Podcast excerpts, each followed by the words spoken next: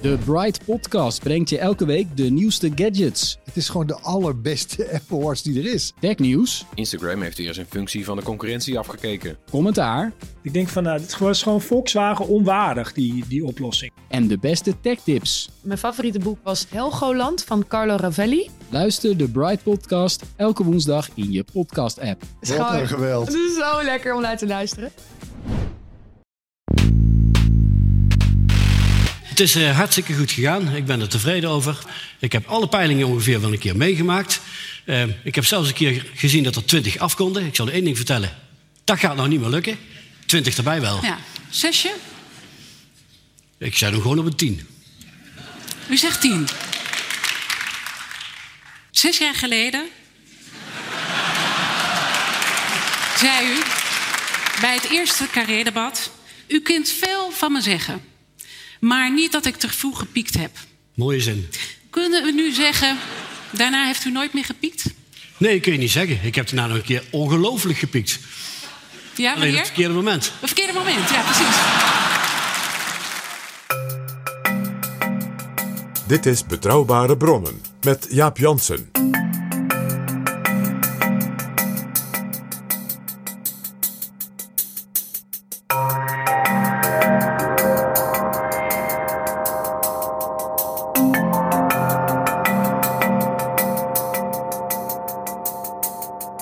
Hallo, welkom in Betrouwbare Bronnen, aflevering 166. En welkom ook deze keer Roderick van Grieken. Met jou ga ik zo praten over verkiezingsdebatten. Maar eerst vertel ik dat deze aflevering mede mogelijk gemaakt is door vrienden van de show. Mensen die een bedrag, klein of groot, hebben gedoneerd via de site Vriend van de Show. In dit kader wil ik speciaal welkom heten de nieuwe vrienden Paul, Aad, MJK, Jeannette, Gert, Diederik, Ruud, Jan Willem, Sandor, Ramesh en Simon Jan. En die heeft ook iets ingesproken. Hoi Jaap en PG. Super bedankt voor de gave podcast die jullie maken. Ik ben dan ook heel graag vriend van de show. En eh, blijf zo doorgaan. Dank jullie wel. Merci Simon Jan en dankjewel alle nieuwe donateurs. Jullie maken betrouwbare bronnen mede mogelijk. Bij mij aan tafel deze keer Roderick van Grieken. Roderick, jij bent directeur van het Nederlands Debatinstituut. Je was al twee keer eerder te gast in Betrouwbare Bronnen.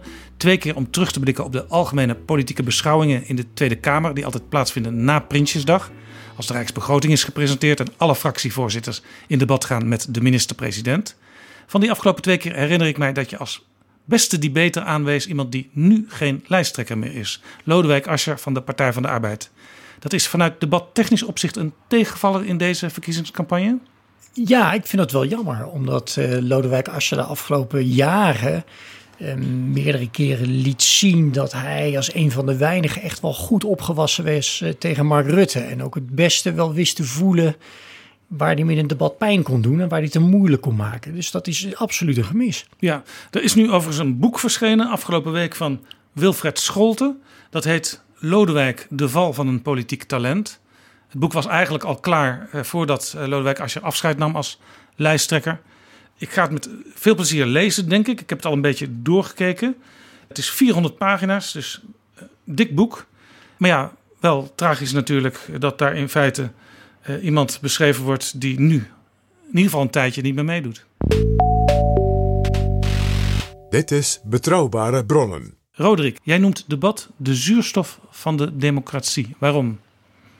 Nou, omdat een essentie van democratie is dat wij door middel van eh, ja, de meningen die binnen de samenleving leven, die hard met elkaar te laten botsen, ehm, uiteindelijk het besef hebben dat er wel een beslissing genomen moet worden. Dat doen we met de meerderheid. En de minderheid is bereid zich neer te leggen bij dat besluit, waarbij ze zich wel het recht voorbehouden om iedere keer wel weer tegengas te geven.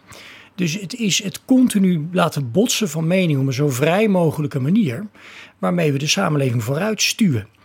En ja, in die zin kan je het echt wel zien als het zuurstof van de democratie. Het is elkaar scherp houden, het toetsen van ideeën, meningsverschillen uitvergroten, maar uiteindelijk wel met elkaar een stapje verder zetten. En het is ook belangrijk, denk ik, dat het publiek daar kennis van kan nemen. Ja, absoluut. Hè? Want democratie is natuurlijk, eh, ja, dat is het volk dat, eh, dat regeert uiteindelijk. Ja, en helemaal dus bij verkiezingen, want dan moet de kiezer uiteindelijk het lot van die politici bepalen. Absoluut. Hè? Het is eens in de vier jaar eh, met die verkiezing is toch wel het, het moment dat je als burger je grootste stempel kan zetten op dat geheel. En is het dus ook ongelooflijk belangrijk dat mensen in de aanloop naar die verkiezingen zo goed mogelijk geïnformeerd worden over wat de belangrijke keuzes zijn die voorliggen. En waarbij ze ook kunnen gaan wegen datgene wat voor hun persoonlijk zwaar weegt, waar ze dat het beste kunnen vinden. Laten we even kijken, Roderick, welke debatten we bij deze verkiezingen van 2021 kunnen verwachten. De eerste domper, eh, laat ik die meteen maar even noemen. Het grote verkiezingsdebat in Theater Carré gaat niet door dit jaar. Dat wordt traditioneel georganiseerd door RTL, PNR Nieuwsradio, Elsevier en het Nederlands Debatinstituut. En aan het debat van 2017 hebben wij samen meegewerkt aan de voorbereiding om de vragen zo helder en scherp mogelijk te maken. Daar waren ook Stefan Kolen en Fons Lambie van RTL bij betrokken en Sipwinia van Elsevier. We trainden ook met debatleider Antoine Peters en met Diana Matroos die één op één gesprekken deed. En dat was heel leuk toen. Was heel spannend ook om te doen, vond ik. Ja, ontzettend leuk. Eh, sowieso die, die, die carré-debatten, zoals we dat heten, eh, vind ik in nou ja, alles wat ik eh, de afgelopen 25 jaar op debatgebied gedaan heb, absoluut een van de hoogtepunten. Um, omdat ik mij, nou daar gaan we het straks misschien nog over hebben, ehm, echt heel lang altijd geërgerd heb aan hoe Nederlandse verkiezingsdebatten georganiseerd werden. En plots kreeg ik de kans om een keer helemaal zelf een format te bedenken, samen met de partijen die je net noemde. En dat format is ook grotendeels uh, uitgevoerd, uiteraard met hulp van allerlei andere mensen. Maar in essentie gebeurde daar uh, wat ik denk dat een goed debat nodig heeft. En dat hebben we drie keer gedaan, 2010, 2012, 2017. Ja, nu kan het gewoon niet, want we kunnen natuurlijk niet in carré zitten. Nee, want het idee van dat debat is ook dat je zit uh, letterlijk in de leeuwenkuil van het circus, publiek eromheen. En dat, dat kan een heel spannend debat geven. Het wordt natuurlijk ook mooi uitgelicht. Je ziet ook vaak de hoofden tegenover elkaar staan in die arena. Ja, het is natuurlijk symbolisch prachtig hè? Dat, dat ze tussen ja, de, burger, ja, de burgers in dat debat plaatsvindt. En de, eh, nou ja, jij en ik zijn er ook iedere keer daarbij geweest om dat van dichtbij te zien. De, de spanning die daarvan van afspat. Dat is natuurlijk bij ieder debat, maar ik heb ook wel van verschillende deelnemers wel begrepen. Van ja, in dat carré voelt dat toch allemaal nog een tikkeltje extra als je daar staat. Ja. Ook omdat er respons komt vanaf die tribunes. En uh, ja, dat maakt het extra mooi. Ik heb ook ter voorbereiding van dit gesprek een aantal oude debatten teruggekeken. En het viel me op dat de, de vormgeving het beeld van dit debat ja, is wel het, allermooiste van alle debatten die we in Nederland organiseren. Het ziet er echt gelikt uit. Het, eh, het, is, heeft ook een heel strak format. Over die formats gaan we, het, gaan we het zo nog hebben. Jammer dat het dit jaar niet plaatsvindt. Net trouwens als het uh, Erasmus-debat in de Erasmus Universiteit van één vandaag. Maar er komt wel een debat georganiseerd door één vandaag. Op maandag 15 maart, dus twee dagen voor de verkiezingen, met zes lijsttrekkers. En welke zes dat precies zijn, dat is uh, nog niet bekend. Dat wilde één vandaag mij uh, nog niet zeggen. Dat zullen ze ongetwijfeld binnenkort bekendmaken. Uh, wat wel doorgaat, vandaag al als deze aflevering verschijnt, is een ook al wel traditioneel debat in het noorden van het land. van onder andere de noordelijke dagbladen. Daar doen lijsttrekkers aan mee, maar ook wel een aantal nummers twee. Bijvoorbeeld Omtzigt van het CDA, uh, Jette eh, van D66. En dat is eigenlijk nog niet het, het, echt landelijke debat, maar wel het eerste echt grote debat wat plaatsvindt. En dan is er natuurlijk het uh, Radio 1 debat van de NPO. Uh, en daar doen meestal eigenlijk zo'n beetje alle lijsttrekkers aan mee die ook vertegenwoordigd zijn in ja. het parlement. De NOS heeft natuurlijk het slotdebat op de avond voor de verkiezingen. En dat wordt soms voorafgegaan door een apart debat met kleinere partijen. En RTL heeft behalve dat carré-debat altijd ook een premier-debat, zoals ze dat noemen. Uh, met twee of vier premierkandidaten. Dat gaat ook niet door dit jaar. Althans, niet in die vorm. Want RTL heeft in feite elementen van het carré-debat en van het premierdebat, wat altijd in de Rode Hoed plaatsvindt, samengevoegd. En dat speelt zich dit jaar af op 28 februari in Felix Meritus in Amsterdam. Met zes lijsttrekkers. En ik heb van uh, Frits Wester begrepen dat nog precies wordt uitgevogeld uh, welke zes lijsttrekkers dat zijn. En dan gaat het vooral om de vraag uh, welke twee van de drie linkse lijsttrekkers mogen meedoen. en dat hangt echt af van de laatste peilingen en daar het gemiddelde van. En dat weer gemiddeld met het aantal kamerzetels dat de Ja. fracties nu hebben in de Tweede Kamer. Bij dat debat ben ik weer heel intensief eh, betrokken in de voorbereiding. Dus daar zijn we al een paar maanden bezig om na te denken ook over de thema's, wie mee kunnen doen en, en hoe je dat, het format, hoe je dat gaat inrichten. En daar is, eh, eh, ja, je moet beslissen aan hoeveel mogen er meedoen. Nou, dat, dat worden er zes, ook om een overzichtelijk debat te hebben. Maar je moet natuurlijk op een eerlijke manier bepalen wie er mee mogen doen. Dus je moet een objectief criterium hebben ehm, om te bepalen wie mee wil doen. Want dat heeft enorme gevolgen. Hè? De, degene die er net afvalt, ja, die mist echt een kans om voor zeg maar, het grootst denkbare... Ja, er is zelfs wel eens een rechtszaak over gevoerd eh, van een partij die toch mee wilde doen. Kreeg uiteindelijk geen gelijk van de rechter. Maar de rechter vond wel dat er een aantal valide argumenten waren om ja, eventueel toch meer partijen mee te laten doen. Ja, nee, dus je moet daar van, ja, vandaar dat er dat zo grondig en zo lang wordt voorbereid. Omdat eh, ja, het, moet, het, het, het heeft altijd iets arbitrairs. Van waarom zes en niet zeven, kan je zeggen. Eh, nou, daar zijn duidelijke gronden voor. Want je wil een even aantal hebben. En je wil ook eh, dat het nog wel overzichtelijk blijft voor de kijker. Maar ja, wie die zes dan zijn, ja, dat kan je niet doen op basis van wie je denkt... nou, dat lijkt me leuk om die twee eens tegenover elkaar te zetten. Want dan, ja, dan misleid je ook de kiezer een beetje. Ja. Omdat dan de suggestie is dat dat de keuze is die voor ligt. Ja, en Frits Wester vertelde mij dat ze hadden ook voor vier kunnen kiezen. Eh, maar dan was het probleem dat eh, links er wel helemaal uh, bekaaid af zou komen volgens deze verdeelsleutel. Ja, dan zou het kunnen dat er geen linkse partij had gestaan. En ja, dat is natuurlijk ook heel gek. Ja, ik begrijp dat uh, de onderwerpen die hangen ongeveer voor de helft samen met, uh, met corona. Uh, het gaat natuurlijk over de zorg, het gaat natuurlijk over de economie. het zal ook gaan over klimaatbeleid en over wat je zou kunnen noemen samenleven in een diverse samenleving. Ik weet niet of ik het zo goed samenvat. Jij weet het beter, want je bent bij de laatste minuten nog betrokken. Het is best een mooie beschrijving van waar, welke kant het om gaat. Ja. En een element uh, wat er ook in zit. Elke lijsttrekker zal worden geconfronteerd met een burger die een vraag stelt. Ja, en daar ben ik zelf enorm enthousiast uh, over. Is dat niet uh, riskant? Want de ene burger is de andere niet. En dat kan toch wel misschien voor een ongelijk speelveld zorgen. Ja, dus ook daar moet je aan de voorkant, hè, want je wil dat het een eerlijk en een goed debat is, um, zoveel mogelijk garanderen dat elke lijsttrekker een even moeilijke vraag krijgt. Dat is in het verleden echt nog wel eens misgegaan, vind ik, met verkiezingsdebatten. Um, dus dat wil je garanderen. Ze moeten echt allemaal een even moeilijke vraag krijgen. Nou, dat kan je nooit 100% dicht garanderen, maar je moet wel een heel eind kunnen komen. En ik vind de kracht hiervan, een burger een vraag te laten stellen. Ik heb daar heel lang, al jarenlang voor gepleit om dat in Nederland meer te doen. En is twee redenen. Allereerst, als dat een goede vraag is, dan kan ik mij als kijker thuis enorm identificeren met die vraag. Veel meer dan als bijvoorbeeld in dit geval Frits Wester die vraag stelt. Want het is nou ja, iemand waar ik me meer aan kan relateren als burger. Dat is één reden om dat te doen. De tweede reden waarom ik er enorm voorstander van ben, is omdat het voor een politicus veel moeilijker antwoorden is. Die politici zijn natuurlijk dag in dag uit staan ze nou, tegenover jou en andere journalisten. En daar heb je toch bepaalde technieken voor hoe je kan beantwoorden. Maar het is vele malen moeilijker en als het een burger is die zijn persoonlijke leed of pijn op tafel legt. En dan krijg je ook een ander type antwoord. En Ja. daarom ben ik er een enorm voorstander van, omdat je ehm, nou ja, echt laat zien hoe een politicus daarmee om kan gaan. In Amerika heb je die town hall debatten. Ja, die maken eigenlijk deel uit van het aantal debatten wat plaatsvindt. Meestal een stuk of drie Ja. voorafgaand aan de presidentsverkiezingen. Dit jaar niet vanwege corona. Is dat degene die gesneuveld is? Maar normaal zit hij er altijd tussen.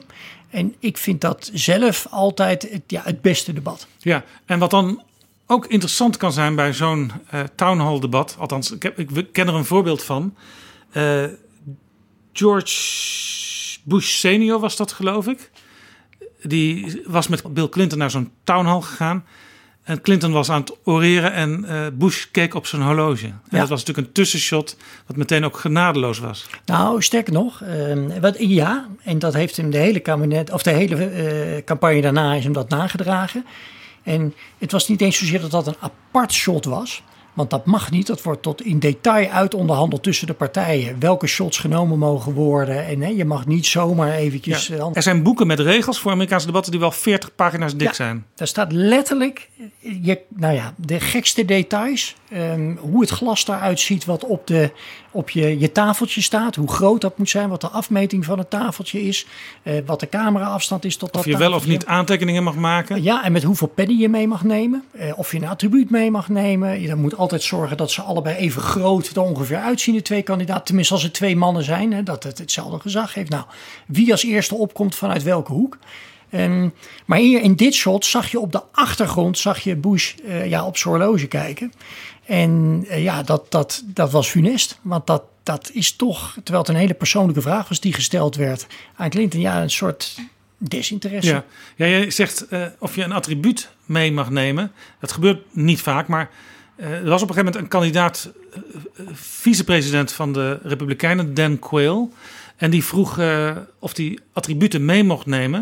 En dat wordt dan natuurlijk voorgelegd aan de tegenpartij. En Al Gore eh, van de Republikeinen, die zei op een gegeven moment...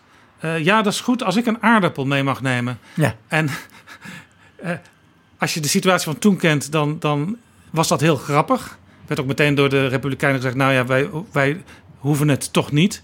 Eh, want Dan Quayle was gebleken, die was een keer bij een, een kleuterklas.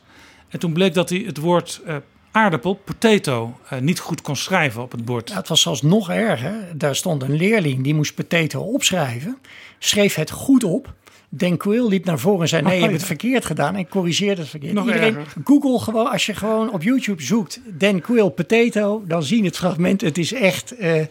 Ja, en dat was natuurlijk hilarisch. Ja. Er is En- overigens nog wel meer over Dan Quill, eh, ook later in die campagne, eh, tijdens een verkiezingsdebat. Hè. Het meest memorabele, eh, misschien wel eh, fragment uit een Amerikaans verkiezingsdebat, komt uit een debat tussen Ja, vicepresidenten. we kunnen het meteen even laten horen. It is not just age, it's accomplishments, it's experience. I have far more experience than many others that sought the office of vice president of this country. I have as much experience in the Congress as Jack Kennedy did when he sought the presidency. I will be prepared to deal with the people in the Bush administration if that unfortunate event would ever occur. Senator Benson? Senator, I served with Jack Kennedy. I knew Jack Kennedy. Jack Kennedy was a friend of mine. Senator, you're no Jack Kennedy. En hier botste de oude, wijze Lloyd Benson met de jonge en ook al wel ervaren, maar nog niet zo ervaren Dan Quayle. Ja, de, de, de campagne van die Republikeinen had een klein beetje in de campagne de suggestie gewekt alsof die Dan Quayle toch een beetje een John F. Kennedy was. Ehm, eh, dat merkten ze eigenlijk al direct dat dat niet werkte, dat ze dat niet moesten doen. Toch ging Quayle in dat debat. Ja, maakt hij die vergelijking min of meer?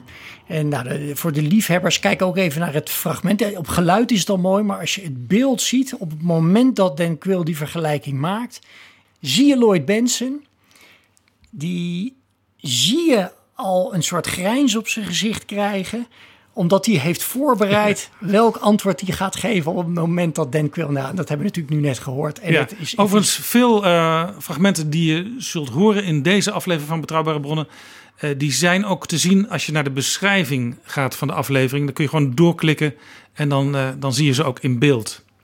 Dat is trouwens ook een klassiek punt. Hè? De televisieversie van een debat en de radioversie van hetzelfde debat, die kunnen heel anders overkomen op de kijker of de luisteraar. Ja, ja dat is een, een, eh, eh, ja, ook een weer een beroemd voorbeeld van het allereerste verkiezingsdebat wat in de Verenigde Staten georganiseerd is op tv in de jaren 60 tussen Nixon en, eh, en Kennedy. En daar bleek achteraf dat het merendeel van de tv-kijkers die vond dat Kennedy het had gedaan, beter had gedaan. En de radioluisteraars vonden dat Nixon het beter had gedaan. Daar zit nog een heel verhaal achter. En Nixon kwam binnen, die had ze, eh, zijn knie geblesseerd geloof ik. Die had hij ergens tegen aangestoten, dus die verrekte van de pijn. Die weigerde schmink op te doen, want die, die vond dat ik ben een kerel, ik ga toch geen schmink op doen. Ja. Eh, Kennedy was keurig afgepoederd, dus je zag daar een, een, een oude man eh, verrekken van de pijn met, met een zweterig hoofd. Tegenover gewoon ja, een jonge waarschijnlijk ook het voordeel dat ehm, voor Kennedy televisiedebatten die, die waren er eigenlijk nog niet echt geweest. En Kennedy had natuurlijk eh, vriendjes zitten in Hollywood die precies wisten hoe je goed over moest komen op het scherm.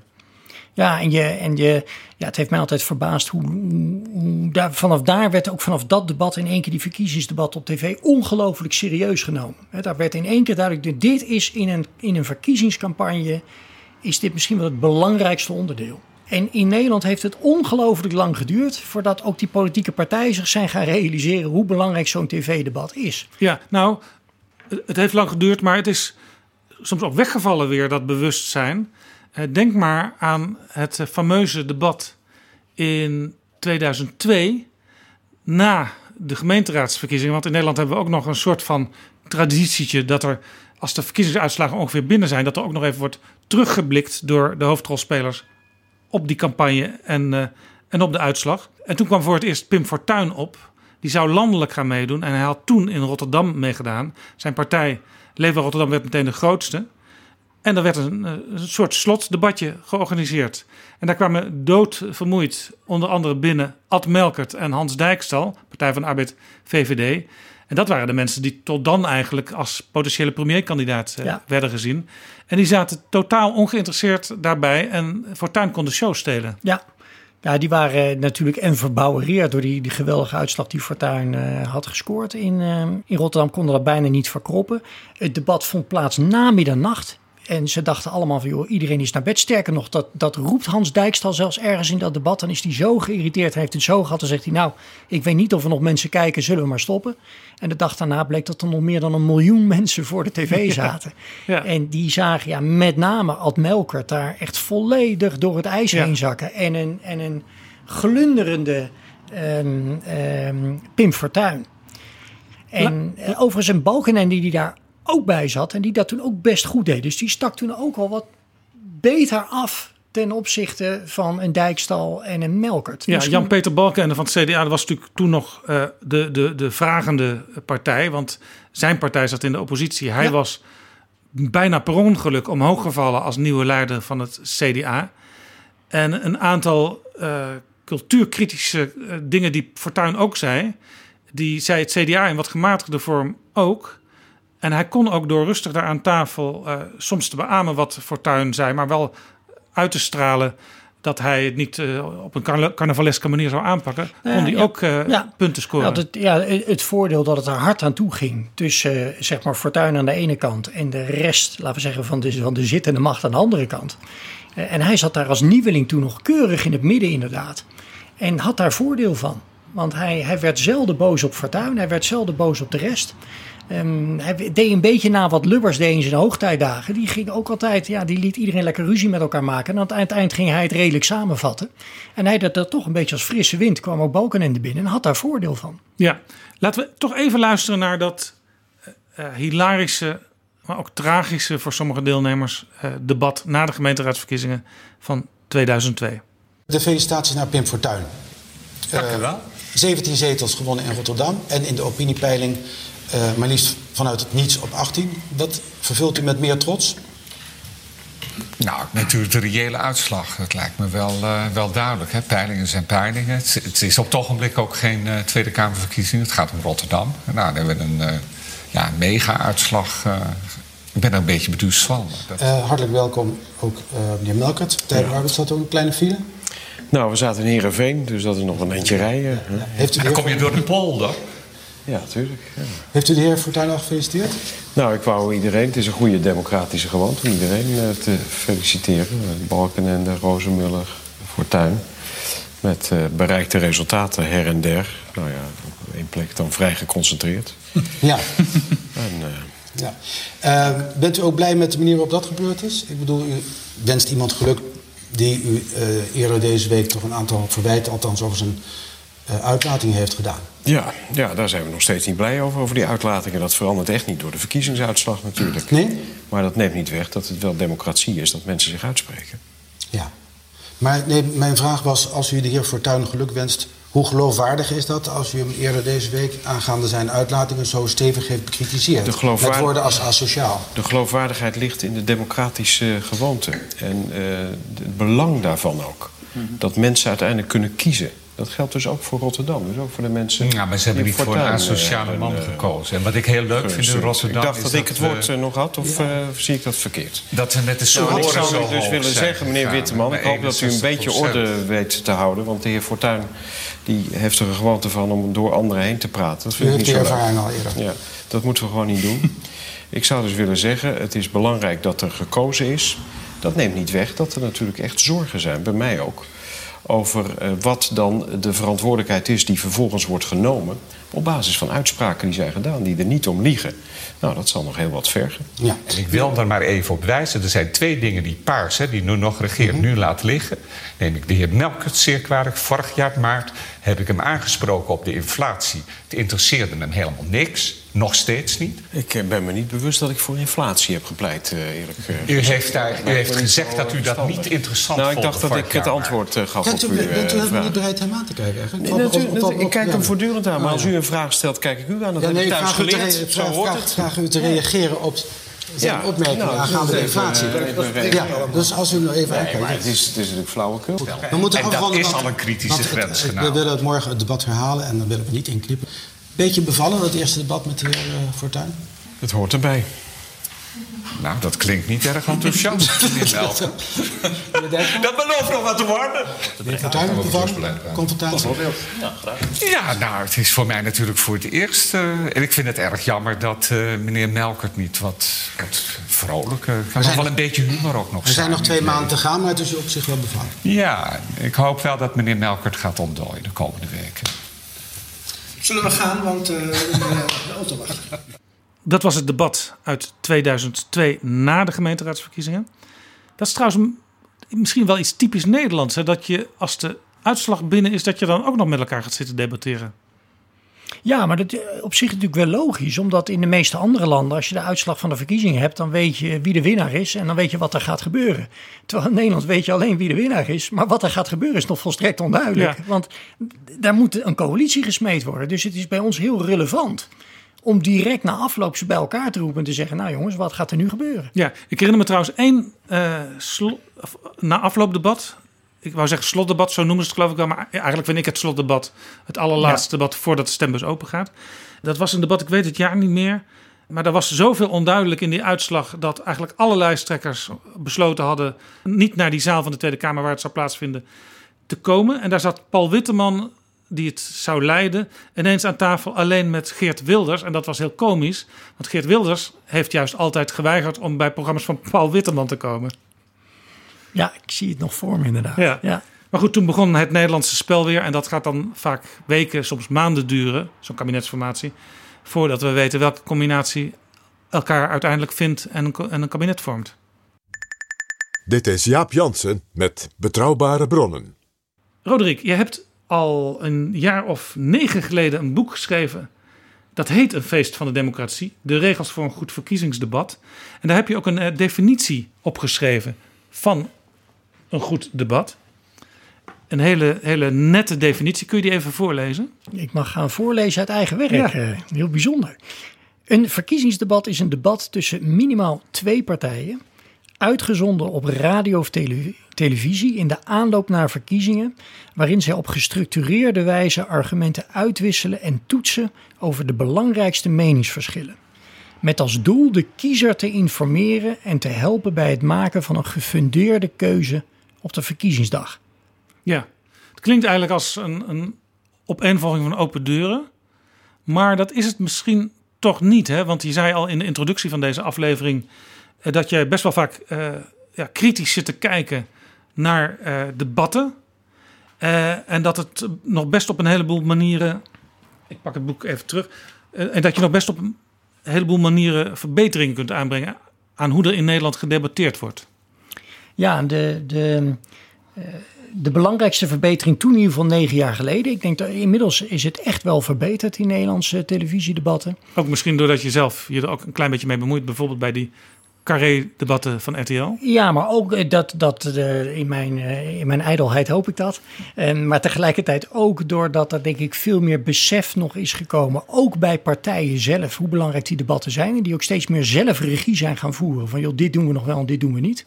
Ehm, maar wat met name veranderd is, en da daar zat mijn grootste ergernis erin, dat in mijn beleving die Nederlandse verkiezingsdebatten eigenlijk een beetje in de categorie amusement vielen. Dus er was een soort angst vanuit de, de omroepen van ja, als we een verkiezingsdebat organiseren, dan moeten we het wel leuk maken. Want anders dan, dan gaan mensen niet kijken. En dat leidde tot de, ja, in mijn ogen de meest wanstaltige dingen. Die aan de ene kant daardoor het, het, en, ja, die, de, de verkiezingen een beetje ja, tot een soort, een soort carnavalsfeestje maakten.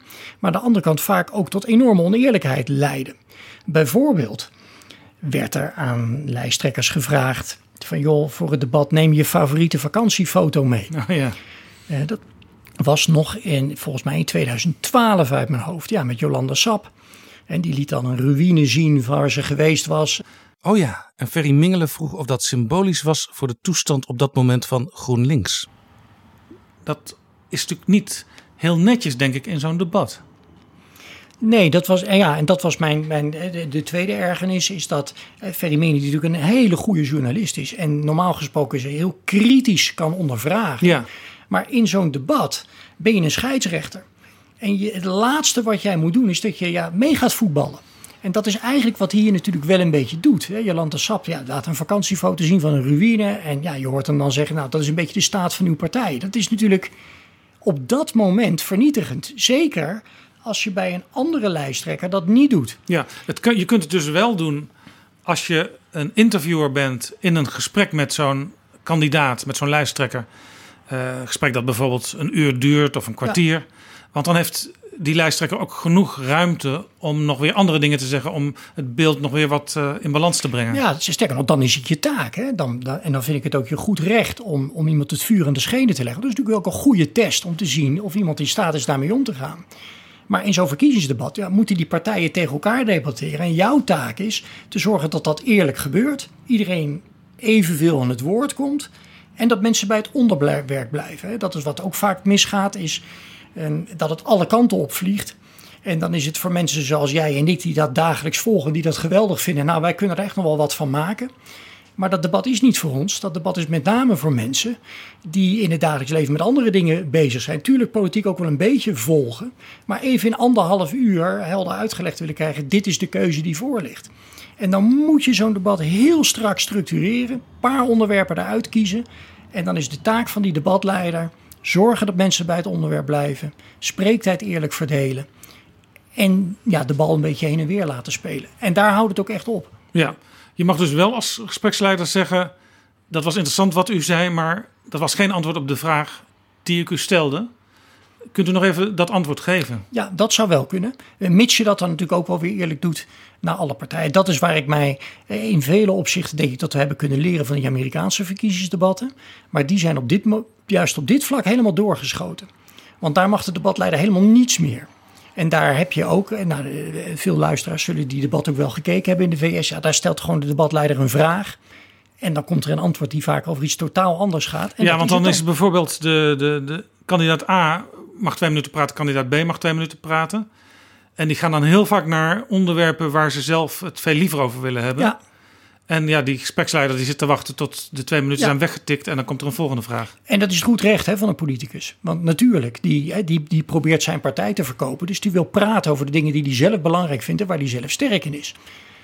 En dat is nog een extra reden waarom ze strak gehouden moeten worden met strakke onderwerpen, zodat je er thuis nog wel chocola van kan ja, maken. Het ging afgelopen jaar in Amerika ook mis in het eerste debat. Er zijn er twee geweest.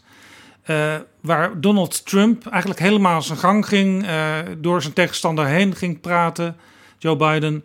En er werd eigenlijk door Chris Wallace, die dat toch ook al wat langer doet, helemaal niet ingegrepen. Nou, hij probeerde het af en toe wel, maar ja, het lukte gewoon niet. En, en ze gingen, uh, ja, Trump ging maar door. Overigens, uh, Biden uh, ging op een gegeven moment roepen dingen als shut up man en you're a clown. Dus die, die verdienen ook niet de schoonheidsprijs. You, the American people. It's about you. That's what we're talking about. Here. All right, that's the, end of the, that's the end of the segment. We're, mov we're moving on. He didn't take them. Well, Vice President, very, Chris, no. Can I be honest? It's a very important Try to be honest. No, I, he I stood up. No, he stood I, up I, the answer to the question is no. Ukraine. No, I, sir. With a billion sir, dollars, if you that get rid is of absolutely you know what, you're, wait, not stop. true. You're, doing it. You're going to not have true, gentlemen. Is, I, I hate to raise Chris, my voice, but it on seems to be why should I be different than the two of you? So here's the a deal. good point. We have fi six segments. We have ended that segment. We're going to go to the next segment. In that segment, you each are going to have two uninterrupted moments. In those two uninterrupted minutes, Mr. President, you can say anything you want. I'm going to ask a question about race, but if you want to answer about something else, go ahead. But we, we, I think that the country would be better served if we allowed both people to speak with fewer interruptions. I, I'm appealing to you, sir, to do that. Well, and him too. Well, frankly, you've been doing more interrupting Well, that's than he all right, has. but he does plenty. Wat in ieder geval gebeurde was, was dat, dat ja, Trump gewoon zijn tegenstander geen ruimte gunde. En dat Wallace ehm, ja, daar volgens mij wel alles aan probeerde om in te grijpen. Maar ik kwam er niet goed mee weg. Had ook met de setting te maken. Dat is heel vreemd in die Amerikaanse verkiezingsdebatten. Zit de debatleider zit gewoon een heel stuk lager Ja, achter een bureau. achter een bureau ten opzichte van die twee politici. En dan, dan kun je ook bijna niks. Hè. Dat lijkt misschien voor de luisteraars iets kleins. Maar als jij, ja, als jij regie moet voeren op zo'n debat. en jij zit lager en je zit op een afstand. dan is dat vele malen Ja, moeilijker. het is niet voor niets dat eh, Khadija Ariep en Jan-Anthony Bruin in de Tweede en in de Eerste Kamer hoger zitten Ja. dan de regering en hoger dan de ja, medekamerleden. en- en terecht, want dan heb je het beste overzicht. En straal je ook uit dat jij wel de regisseur bent van het circus. Ja. Er, er was trouwens nog een eh, tweede debat in Amerika. Dat werd geleid door Kristen Welker. En dat was wel weer heel strak. En daar deed Trump ook zo goed en zo kwaad als het ging. eh, die, die, die voegde zich daar naar de regels. Ja, maar, maar dat, dat, ehm, eh, dat is dan deels de verdienste van de debatleider geweest. Maar deels ook omdat ook in het campagneteam van Trump wel duidelijk werd... van joh, dit was niet de beste manier om iedere keer maar doorheen te brullen. En eh, ja, het is op een of andere manier gelukt om hem een beetje in te dammen. Ja, maar jij zegt dus in Amerika... het is goed dat ze regels hebben, maar die, die worden nu te streng toegepast. Nou ja, het wordt te, ehm, door de partijen, want je hebt de, de, de, de Com- de Commission on the Presi- Presidential Debates. Dat is de organisatie die die debatten organiseert. Ja, Dus daar zit eh, ook gebalanceerd democraten en Ja. republikeinen in. En daar wordt al, al meer dan een jaar voordat die verkiezingen starten, beginnen dan de onderhandelingen. En dan wordt er, ehm, ja, dan wordt het in detail uitonderhandeld. En de partijen willen gewoon niet dat die debatleider kritische vragen kan stellen. De reden dat die presentatoren of die debatleiders in Amerika, dat die zo weinig ruimte nog krijgen om het debat echt te sturen, valt voor een deel terug te leiden naar, eh, uit mijn hoofd, 1988. Ehm, toen hadden ze nog een heel panel van journalisten. Die dan kritische vragen gingen stellen aan de Republikeinen en de Democratische kandidaat. En daar is toen ook een legendarisch fragment geweest. dat Bernard Shaw van CNN aan Michael Dukakis. Die bekend stond als een soort ijskonijn. die nooit emoties toonde. En toen stelde Bernard Shaw opeens de vraag van... Goh, meneer Dukakis, stel nou dat uw vrouw op een vreselijke manier verkracht zou worden... en daarna vermoord zou worden. Zou u dan niet voor de doodstraf ook zijn? Ja. Hè, want Dukakis was ook tegen de doodstraf. En wat deed Dukakis? Die zei van, eh, nee, dan eh, zou ik nog steeds Ja. tegen de doodstraf zijn. Governor, if Kitty Dukakis were raped and murdered, would you favor an irrevocable death penalty for the killer? No, I don't, Bernard, and I think you know that I've opposed the death penalty during all of my life. Uh, I don't see any evidence that it's a deterrent, and I think there are better and more effective ways to deal with violent crime. We've done so in my own state, and it's one of the reasons why we have uh, had the biggest drop in crime of any industrial state in America, why we have the lowest murder rate of any industrial state in America. But we have work to do in this nation. We have work to do to fight a real war, not a phony war against drugs, and that's something that I want to lead, something we haven't had over the course of the past many years, even though the vice president has been, at least uh, allegedly, in charge of that war. We have much to do to step up that war, to double the number of drug enforcement agents, to uh, fight both here and abroad, to work with our neighbors in this hemisphere, and I want to call a hemispheric summit just as soon after the 20th of January as possible to fight that war. But we also have to deal with drug education prevention here at home. En de fout die hij maakte, zeg maar fout in debatopzicht was... hij toonde eigenlijk geen enkele emotie. En hij had ook kunnen uitleggen van... ik, ik vind dit gewoon. En natuurlijk eh, super tragisch als dit zou gebeuren... en mijn leven zou verscheurd zijn. Eh, maar toch blijf ik politiek op het standpunt, omdat Ja. ik dat nu eenmaal vind. En daar zijn hele goede redenen voor en die wil ik u ook wel vertellen. Ja, hij had natuurlijk moeten beginnen inderdaad met te zeggen van joh, als iemand dat bij mijn vrouw zou doen, dan, dan zou ik hem persoonlijk wel om willen leggen. Hè, zoals Ja, iedereen dat zou willen. Ja. Maar dat is nog niet een reden om te zeggen dat we het moeten doen. En dan had hij, hij had eerst die emotie moeten tonen. Maar het bevestigde het feit dat hij een ijskonijn was. Dat fragment werd eindeloos herhaald. En was een van de redenen dat hij die verkiezingen zwaar verloor. Nou, daar hebben toen de Democraten van geleerd, maar ook de Republikeinen. En die hebben gedacht: wacht eens eventjes. We, we, we willen niet dat die journalisten van dit soort vervelende vragen meer stellen. Dus sindsdien zitten ze daar, mogen ze een vraag voorlezen. En dan maar zien wat een eh, politicus ermee Ja, doet. ja, hier heeft trouwens denk ik eh, Mark Rutte ook wel van geleerd. Want die heeft wel eens een soort uitspraak van... eh, ja, persoonlijk zou ik wel dit en dit en dat. En dan is iedereen altijd boos op hem, want dat mag dan volgens de wet niet en zo. Maar hij zegt ook, persoonlijk zou ik dat wel willen. Het is dus Ja. theoretisch. En dan de, de kijker, die weet dan, oh ja, eh, hij, hij begrijpt mij, want ik denk dat ook wel eens. woede. Ik voel echt pure woede. Die man die zegt dus oprotten. Mijn primaire eerste gevoel is la ze zelf op. Ga zelf terug naar Turkije. Pleur op, zou ik in plat Haag zeggen. We hebben in Nederland het recht om te demonstreren. Daar maken zij gebruik van. We hebben ook persvrijheid. Deze mensen treden die persvrijheid treden ze, treden ze met voeten. En laat ik het dan maar misschien meer als minister-president zeggen. En echt klip en klaar. Onze verworvenheden, met onze verworvenheden, onze normen en waarden, is het alles of niets. Het is geen cafetaria-model. En als het niet alles is, dan is het dus niets. Ja, hij geeft gewoon de menselijke reactie. En dat is natuurlijk heel belangrijk in die verkiezingsdebatten. Dat je je ook aan de ene kant als mens laat zien. Dat je antwoorden geeft waar mensen zich aan kunnen relateren. En kunnen denken, ja, hé, nou, dat zou ik zelf ook zo kunnen zeggen. En dat je dan daarna, zeg maar als politicus... sta ik ook voor het grote geheel. Dat snapt iedereen wel. Ja. Maar je moet vooral ook je menselijkheid laten zien. Maar ook hier geldt, dat was dus een panel van, ik dacht vier journalisten, ook van verschillende media. En twee presidentskandidaten. Zoiets kan wel, maar dan moet je het niet in debatvorm doen. Maar dan moet je gewoon één kandidaat per Ja. aflevering hebben. En dan bijvoorbeeld vier journalisten erbij zetten.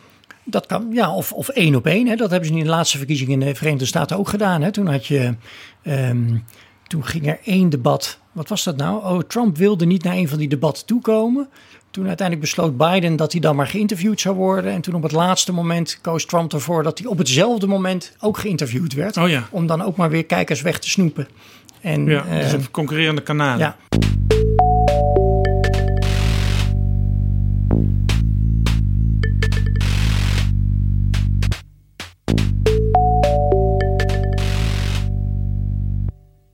Strenge regels in Amerika. Iets lossere in Nederland. Maar wel regels. Wat is, als we naar debatten kijken, voor jou de ideale vorm van een verkiezingsdebat?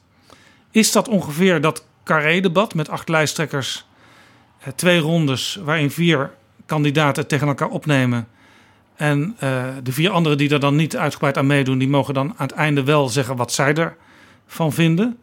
En in dat laatste carré-debat 2017 zaten ook nog eh, korte één op één gesprekken. Is dat ongeveer wat jouw ideaal benadert? Ehm, nou ja, ik denk dat wat het benadert is het, het, het best haalbare. En net zoals democratie de, de, de best haalbare staatsvorm is.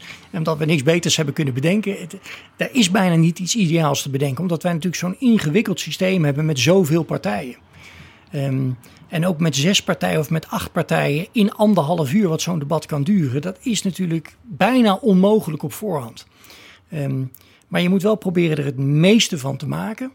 En ik denk ook met de doelgroep wie naar dat debat kijkt. En dat bedenkt RTL ook, RTL 4 ook heel goed van tevoren. Voor wie maken wij dit debat? Dat is hun achterban. Dat zijn voor een groot deel mensen die politiek best wel een beetje volgen. Maar ook met heel veel andere dingen bezig zijn. En die kijken naar zo'n debat. eh, omdat ze geïnformeerd willen worden. Omdat ze willen weten, zoals bijna iedere Nederlander, want wij, Nederlander, want we hebben heel veel zwevende kiezers. Help mij nou om een keuze te maken. En dat is de essentie wat je probeert te doen in zo'n televisiedebat, is die mensen helpen om inzicht te geven in een aantal belangrijke punten. En dan helpt het enorm om dat zo makkelijk mogelijk te maken door met een stelling te werken, politici te laten stemmen eens of oneens, dus rood of groen. Even allemaal een kort statement laten maken. Dat die in ieder geval even allemaal kunnen vertellen: Nou, dit is wat mijn partij vindt, zonder dat ze geïnterrumpeerd worden. Dan even echt met elkaar, nou, laten we zeggen, vrij worstelen. Dat er ook op elkaar gereageerd kan worden. Ehm, dan weet ik na 10 minuten of een kwartier over dat specifieke onderwerp een beetje hoe de meningen verdeeld zijn. En de moeilijkheid zit erin, en daarom zijn we daar al maandenlang mee bezig. Vind maar eens een stelling die precies iets benoemt wat thuis bij mensen leeft. En waar de meningen ook over verdeeld zijn. En waar die partijen dus op een rood en groen gaan stemmen. Dat is echt nog wel ingewikkeld, omdat je altijd onrecht doet ehm, aan de complexiteit. Want ja. Ja. je pakt er één ding uit. Ja, het zou zelfs kunnen dat eh, politicus A en politicus B het bijna met elkaar eens zijn met alle nuances van dien. Maar dat de een toch rood aantikt en de ander groen. Ja, ook om zich, maar dat doen ze dan. En dat vind ik dan, dat is dan, daarom vind ik het wel een goed systeem. Dat doen ze dan omdat zij ook de kijken vanuit de mensen thuis. En stel dat je hebt, ik noem maar wat, Partij van de Arbeid bent en GroenLinks. En je zit op dat thema dicht bij elkaar. Dus je hebt veel kiezers die twijfelen tussen jouw partij en die andere partij. Dan wil je je juist ten opzichte van die partij een beetje ook onderscheiden. En een nuanceverschil laten zien, zodat die kiezers die tussen die twee twijfelen, denken: oh, daar zit het verschil. Daar moet ik ere wie ere toekomt. Daar heeft de, de NOS hebben het daarna nooit meer gedaan. Maar in 2012 heeft de NOS dan een keer, vond ik ongelooflijk goed gedaan. Ehm, die hebben toen een verkiezingsdebat gedaan waar ze steeds één op één, en daarna werd er ook in groepen gedebatteerd, maar steeds twee partijen zetten die dicht bij elkaar lagen. En dan stelden ze één op één de vraag: waar verschilt u nu? Waar, waar is nu voor de kiezer? Ja, ik herinner me, eh, daar zat inderdaad Partij van de Arbeid GroenLinks bij, maar ook SP en PVV. Ja. Die natuurlijk, die twee partijen hebben natuurlijk voor een deel ook wel, appelleren ze aan eenzelfde soort kiezersmarkt. Maar daar zijn toch ook nog wel duidelijke verschillen aan te wijzen. En dat, dat bleek ook in dat één op één debatje. Maar eh, Partij van de Arbeid GroenLinks is weer veel ingewikkelder. Er is bij vorige verkiezingen een keer een kieswijzer gemaakt. En daar bleek dat je bij GroenLinks en Partij van de Arbeid 100% uitkwam als je de vragen op een bepaalde manier beantwoordde. Dan hebben ze die kieswijzer in overleg met die twee partijen toch nog iets moeten aanpassen. Ja. Maar voor de kijker wordt het dan toch ja, minder interessant als de partijen het ongeveer over 99% van de dingen maar- eens zijn. Maar zie hier de, de, de ingewikkeldheid van ons systeem. Dat je zoveel partijen hebt. En dat het eh, zelfs, ja, als wij zo'n RTL 4-debat aan het voorbereiden zijn. Met, met, met name natuurlijk de Haagse eh, politieke redactie van RTL 4. Die, die, nou ja, die kunnen die verkiezingsprogramma's van achter naar voren dromen. Die lopen daar iedere dag tussen. Zelfs die zitten af en toe nog te zoeken van wacht eens even, maar waar zit hem dat verschil dan eigenlijk? En, en hoe moeten we dat dan formuleren? Nou ja, als die dat al hebben, dan, dan ja, is dat voor de kijker thuis natuurlijk helemaal ingewikkeld om daar chocola van te kunnen Ja, maken. ja, ik herinner me van toen wij samenwerkten in 2017 bij dat Carré-debat. Dat we echt een paar uur op één stelling zaten te broeden. Dat we er gewoon niet uitkwamen. En dat we dan via app en telefoon en zo. bij wijze van spreken de volgende ochtend om half elf. plotseling er eentje gevonden hadden. En die werd het toen ook. Ja, en dan waren we zes vergaderingen verder. Hè, Ja, dat we het daarover gehad hadden. En dan het iedere keer weer fine-tune. En dan nog kan je er achteraf kritiek op hebben op zo'n stelling. Omdat er in dat debat dan misschien toch net niet gebeurt wat je verwachtte. Want je weet ook niet zeker wat partijen gaan stemmen. We hebben wel eens in, in volgens mij was dat ook in 2012, dat opeens Mark Rutte iets, eh, oh die had het over geen cent meer naar de Grieken. Ja. Die, die, ja, die stemde iets waarvan ook die andere lijsttrekkers zeiden, ja, maar dat, dat, dat is hem ook heel lang nagedragen. Joh, dit doe je echt alleen maar uit effectbejag. Jij gaat echt, de VVD gaat echt nog wel meer geld naar de Grieken overboeken, maar je probeert hier gewoon even stemmen te winnen en stevig je neer te Ja, in zetten. dat beeld zag je hem ook op de rode knop drukken. Ja. Dus echt eh, een veto, no way, geen cent meer naar de Grieken. Vanavond zei u, genoeg is genoeg. Even voor de duidelijkheid, geen cent meer naar Griekenland. Zo is het. Eh, dan zal de heer Samson zeggen, maar als er nou een beetje geld naartoe moet, hè, want anders valt Griekenland eruit en dat is mijn antwoord, dan kunnen de Grieken het zelf regelen. Als Griekenland belt, dan is dat voor een groot tweede, derde steunpakket en daar ben ik tegen. Iedereen die enig gezicht had op wat er in Den Haag eh, te gebeuren stond, die wist dat dat kan hij nooit waarmaken. Dat Ja. bleek later ook. Maar ja, de kiezer die de volgende dag in het stemhokje staat, of eh, een week of wat later, die, die heeft dat ook nog in zijn achterhoofd zitten. Ja, en die, ja, die stemt dan wel op. Aan de andere kant kan ze hem daarna er ook weer op afrekenen. hè. Dan kan je ook in 2017 zeggen, nou, daar, daar stem ik zeker niet meer op. want hij heeft alsnog geld Zoals er nog steeds eh, eh, politici roepen richting Mark Rutte. eh, waar blijft eigenlijk die duizend euro die je ons beloofd hebt? De VVD verbreekt haar belofte. Nou Eigenlijk zegt hij gewoon Mark Rutte verbreekt zijn belofte. Ja, nou ja, we kennen natuurlijk al, we, we wachten natuurlijk allemaal nog op de 1000 euro. Dus dat is een hele makkelijke reactie. Maar het gaat er nu wel eh, op aankomen dat we ook echt gaan nadenken over die toekomst. Jongeren die, ehm, nou ja, in, in, hier in deze omgeving is de wacht. En dat is alweer van ongeveer tien jaar geleden. Dat, dat is van tien jaar geleden inderdaad. Zijn- Zijn duizend euro. Dat blijft iedere keer terugkomen. Komen we misschien straks ook nog wel over te spreken hoe je dat nou moet bestrijden bij deze man. Ja, Mark Rutte heeft in 2012 ook een moment genomen dat hij eigenlijk excuses heeft gemaakt voor alle beloften uit het verleden die hij niet was nagekomen. Want toen was hij inmiddels twee jaar premier geweest. Ja. Is, is dat er eigenlijk sterk om dat te doen? Nou ja, het, ehm, voor Rutte wel, want een Rutte komt daarmee weg. De meeste andere politici eh, zou ik het niet aanraden. Want dan wordt er daarna gehakt van je gemaakt. Als jij natuurlijk excuus, als jij premier moet je voorstellen. Het is gewoon de premier die, die de avond voor de verkiezingen nog even excuses aanbiedt voor alles wat hij fout gedaan heeft. En dan de dag daarna, als iemand nog een keer hem dat invrijft, van dat heb je fout gedaan, dat hij ermee wegkomt dat hij zegt, ja maar wacht, ik heb daar gisteren toch excuses voor aangeboden. Dan moet je nou niet vandaag Ja. nog een keer erover beginnen te zeuren. Ja. Hij Blijkbaar is er iets tussen ons, de kiezers, en Mark Rutte dat wij hem dat vergeven of in ieder geval van hem accepteren. Ja. En daar, ja, dat vind ik de, de, de, een van de interessante uitdagingen voor al die andere partijen in deze campagne. En, want die willen dat natuurlijk toch onschadelijk gaan maken. Hoe je dat moet doen. En ik vind dat dat tot nu toe nog niet heel slim gebeurt. Nee. Misschien kunnen we ook wel even kijken naar de kandidaten eh, van nu. Want het speelveld is natuurlijk niet helemaal gelijk. Ik memoreerde aan het begin van eh, deze aflevering al dat eh, Lodewijk Asscher plotseling van het toneel verdwenen is, opgevolgd door Lilian Ploemen. Sigrid Kaag van D66 is nieuw. Wopke Hoekstra van CDA is nieuw. Eh, er doen een aantal mee die er al wat langer zijn natuurlijk. Rutte, eh, Gert-Jan Segers van de ChristenUnie, Geert Wilders van de PVV, eh, Jesse Klaver, GroenLinks, Lilian Marijnissen van de SP, die doet denk ik voor het eerst mee bij de Tweede Kamerverkiezingen. En er is ook nog iemand die misschien wel graag in de belangrijkste debatten mee zou willen doen, maar niet meer belangrijk genoeg is, Thierry Baudet. Kortom, het beeld is weer heel anders dan vier jaar geleden. Dus het is ook nog een beetje afwachten hoe die debatten gaan verlopen. Ja, absoluut. En dat is natuurlijk deels, ehm, ja, zeker als liefhebber ook van retorica, is dat wat het interessant maakt. Want daar, daar zit nog wat onvoorspelbare factoren in. Hè. Denk aan een, Sigrid Kaag. Ehm, maar ook een Wopke Hoekstra. Die hebben we nog nooit in zo'n debatarena gezien. Hè. Jij zei aan het begin van deze uitzending dat zij allebei dus niet meedoen vandaag in, eh, in het noorden van het land. Ehm, dat zal een bewuste keuze zijn geweest. De vraag is of het een verstandige keuze is. Ja. Want het is een beetje, ik, als ik in zo'n campagneteam zou zitten, zou ik ze er wel neerzetten. Want je moet meters maken voordat je zo'n groot televisiedebat gaat doen. Daar zit zoveel druk op. Eh, denk terug aan een Job Cohen. Had je zo'n ervaren politicus. En die opeens in, dan in zo'n campagne. Ja, Job Cohen, moet even de context schetsen. Hij was natuurlijk burgemeester geweest in Amsterdam, werd lijsttrekker van de Partij van de Arbeid. Hij scoorde meteen heel goed in peilingen, ook als potentiële premierkandidaat. Want mensen hebben hem gezien als eh, de rustige, bemiddelende burgemeester in Amsterdam. En, en projecteerde dat meteen op het torentje. En toen kwamen die debatten en toen kwam die er niet goed uit.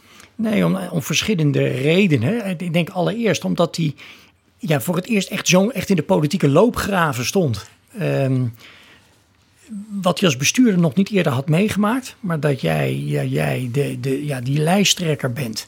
En dag in dag uit, ik denk ja, dat mensen misschien onderschatten. Jij weet dat nog beter dan ik, hoe zwaar zo'n campagne is. Dat is van ochtends vroeg tot avonds laat. Al die media optredens. Nou, ze hoeven nu gelukkig niet de markt op, want dat mag niet. Ik denk dat ze daar velen daar blij om zullen zijn, want dat geeft misschien nog iets aan rust. Ja, de eerste die dat ook niet deed, de markt op gaan, tenminste vrijwel niet, was Pim Fortuyn. Die nam gewoon een lekker lang bad eh, op de Ja. dag dat hij een groot debat had. Heel verstandig. En die kwam volkomen uitgerust, kwam die in Hilversum of in Amsterdam of waar het plaatsvond aan. Ja, maar dan was de rest dus al afgedraaid. Ook door de eigen partij. Hè? Want die partij die wil natuurlijk ook... Ja, maar je moet ook nog even in Heerlen op de markt gaan staan. En ze moeten je ook gezien hebben in Heerhugowaard. Want daar zitten ook kiezers. Dus die eh, wordt van hot naar her gesleept. En alles wordt met camera's gevolgd. Dus je hoeft maar ergens in heer Hugo Waard... bij één beantwoording van een vraag van een burger... uit vermoeidheid of dat je toch even iets grappigs wil zeggen... de verkeerde grap maken... En het wordt, ja, anno 2021, overal groot uitgemeten. Dus je moet overal op je hoede zijn. En als het dan ook nog even niet zo lekker loopt, die campagne, dan word je dus ook van ochtends vroeg tot avonds laat, krijg je maar één vraag. En dat is, oh, het gaat nog niet zo goed, die campagne. Nee, ik herinner me ooit dat, ik dacht Gordon Brown was uh, op pad. Ja. Verkiezingscampagne.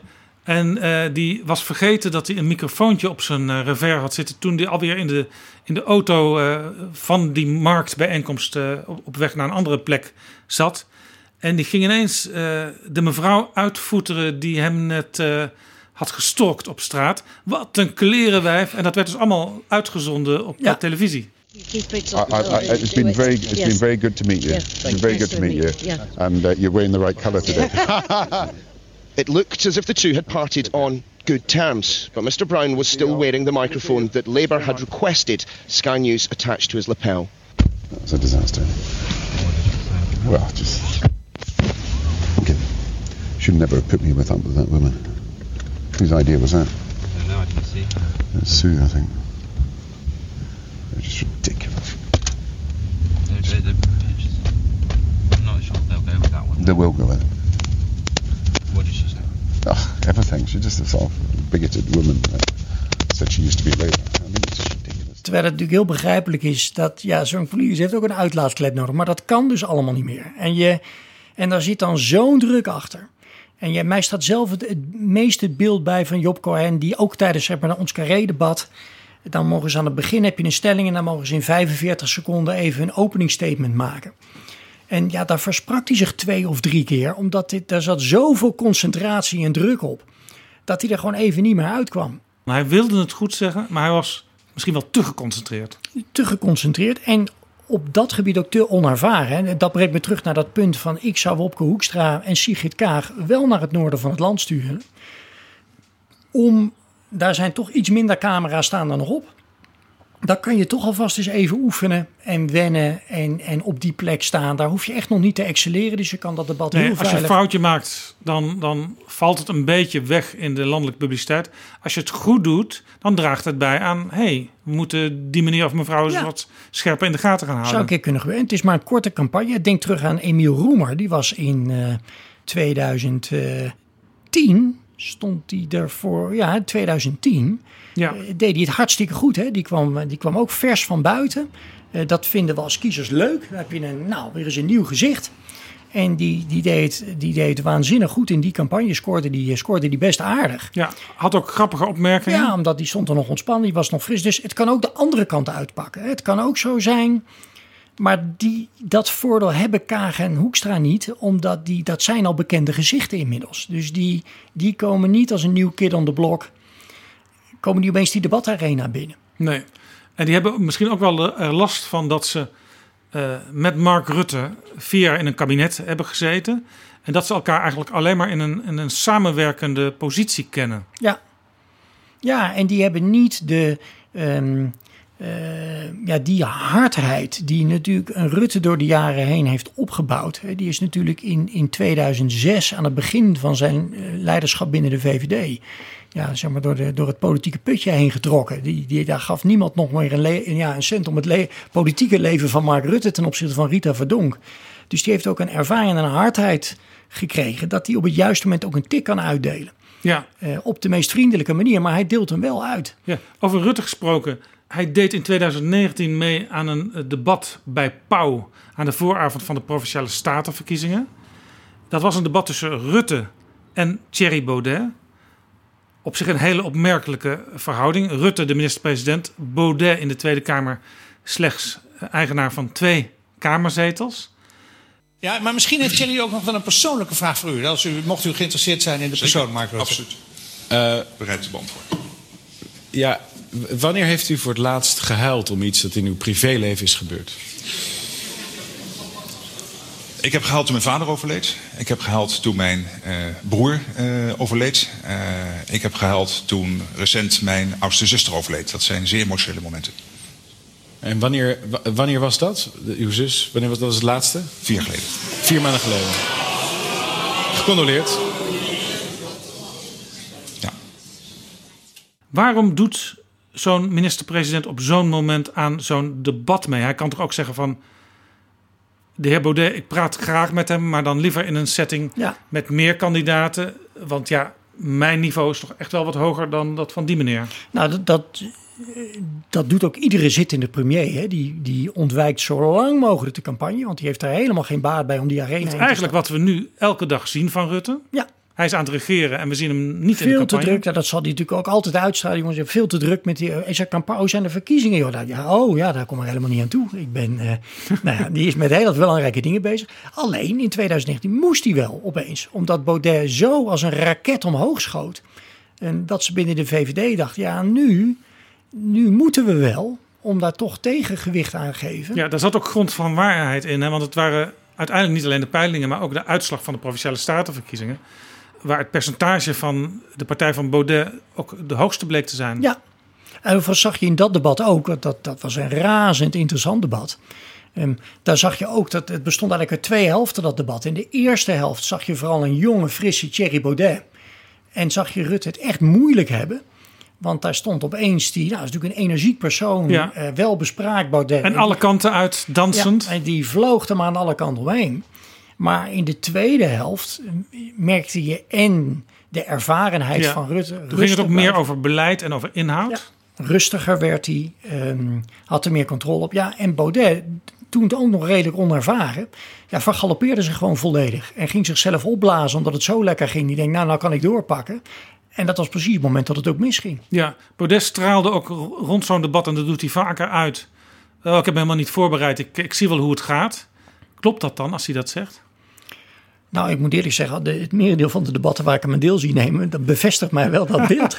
en dat hij ehm, eh, dat onvoldoende voorbereidt. En ik denk dat hij heel eloquent is en hij heeft zeker ook een charisma. Maar dit is echt wel een andere league waar je in debatteert. Ja, want je moet het wel heel goed voorbereiden. Ik weet dat politieke partijen, ook van, van grote eh, namen als bijvoorbeeld Wim Kok in het verleden, die bereiden debatten voor met hele goede debaters uit de eigen partij, die dan de rol van de tegenstander en van de andere tegenstander en van de, van de andere tegenstander speelden. En dat ging er niet zachtzinnig aan toe. Ik, weet ook dat Kok een keer heel erg boos is geworden omdat hij het gewoon allemaal veel te ver vond gaan. Maar ja, het waren wel voorbeelden die bij wijze van spreken drie dagen later in het echte debat ook konden gebeuren. Ja. En eh, het leuke is dat dat in Nederland werd daar heel lang geheim over gedaan. Hè? Dan was als, als je aan politicus vroeg, oefent u die debat? Was nee, dat doen we niet, dat vinden we. Eh, terwijl dat, ik vind dat echt een min 18 naar de kiezer. Het, je, je zou als politicus moeten zeggen, ja, hier ben ik maandenlang mee bezig. Want dit is heel belangrijk dat ik dat ga doen. Ja. In Amerika is dat volstrekt normaal dat, die, dat de, de presidentskandidaten zich een week terugtrekken. En met een heel team. En dan wordt gewoon met, met, met een perscommuniqué uitgegeven hoeveel uur er geoefend wordt, wie wie speelt en wat ze allemaal gedaan hebben. Ook om te laten zien van joh, dit, dit, wij gaan iets heel belangrijks straks doen. En dat bereid ik voor. Ja, zo hebben wij het trouwens zelf ook voorbereid. Hè, dat Carré-debat in 2017 eh, met Antoine Peters als debatleider. Eh, daar hebben wij ook lijsttrekker. Jij was een lijsttrekker, ik was een lijsttrekker. De anderen eh, waren ook lijsttrekkers. En Antoine Peters die kon dan al een beetje kijken van... oh, Ja. eh, daar gaat Rutte misschien dat doen. En dan gaat eh, die andere dat doen. En dan gaat Wilders dat doen. En we hebben in, in 2010 en 2012 met Rick Nieman exact hetzelfde. Hebben we ook eindeloos geoefend. Ook met Diana Matroos en Marielle Tweebeek en Petra Grijze... die in alle drie die debatten dan de, de kritische vragenstellers waren. Eh, want dat is een hele moeilijke rol ook om dat goed te doen. Dus ook dat moet geoefend worden. Ja, ja die kritische vragen, dat, dat is soms maar ongeveer een minuut of zo. En dan kun je, dan kun je als, als ondervrager maar drie, drie keer iets vragen. Maar dat moet dan wel zo goed opgebouwd zijn dat je het die kandidaat moeilijk maakt. Ja. Ja, en daar zie je, daarom ben ik nu zo enthousiast over het concept om burgers die vragen te laten stellen. Eh, hoe goed al die, alle journalisten ook zijn in het ondervragen van politici in zo'n debat is precies wat je zegt. Het is dan drie minuten volgens mij. Ehm, daar kunnen ze met technieken, kan je gewoon wegblijven. Als je dat een beetje goed doet, dan, dan kan je eromheen draaien. En dan heeft die journalist niet voldoende tijd om je echt vast te pakken. En bij een burger is het moeilijker om weg te draaien. Ja, overigens, eh, in dat debat van 2017 deed Diana Matroos het. Zij kreeg toen ook eh, veel kritiek. Een lijsttrekker die heel handig zich eronder uit wist te wringen toen was Henk Krol. Laten we even luisteren. hadden kunnen doen. Ik constateer ben er trots dat u op dat geen wij dat antwoord onderwerp geeft op de agenda hebben vraag. gezet. En dat vind ik het meest belangrijke. De betaalbaarheid. De betaalbaarheid van uw Ik kan u plannen. even niet verstaan, vindt u niet De erg? hè? betaalbaarheid van uw plannen.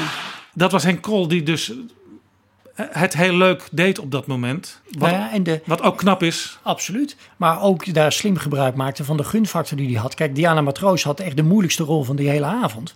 Dus hij moest toch een beetje de bitch zijn Ja, die avond. zeg maar, Jij moet heel scherp en heel vervelend doorzagen. En, en ja, dat gaat af en toe op het scherp van de scheden. Misschien naar het oordeel van het publiek was het af en toe zelfs te scherp. En dan keert het publiek zich een beetje tegen je. En ja, dan komt die arme Henk Krol, waar iedereen toch wel een beetje van ach, nou dan moet die man Ja, ook. Een beetje knuffelbeer Ja, is die. en die eh, op een gegeven moment, hè, dan zegt hij, nou wat je ook net zag, dat hij dan zegt, ik versta u even niet. Ja, dan heeft hij het gunelement en dan draait het niet meer om de inhoud, maar om de vorm. En helaas, eh, en dat geldt voor ons allemaal, speelt de vorm minimaal zo'n grote rol als de inhoud, ook bij hoe wij zelf dat stemhokje ingaan. Dat stem je voor een goed deel toch ook op de persoon. Heb ik daar een gevoel bij, los van waar die persoon voor staat. Ja, het Dus is toch een beetje het gevoel wat ooit in Amerika gezegd werd. Zou u van deze persoon een tweedehands auto kopen? Bijvoorbeeld, op het moment dat je dat belangrijk vindt, dat iemand heel betrouwbaar is, ehm, dan.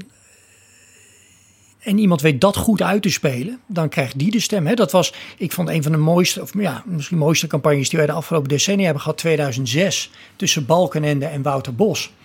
Ehm, daar werd die troef fantastisch uitgespeeld door het CDA met, met Balkenende.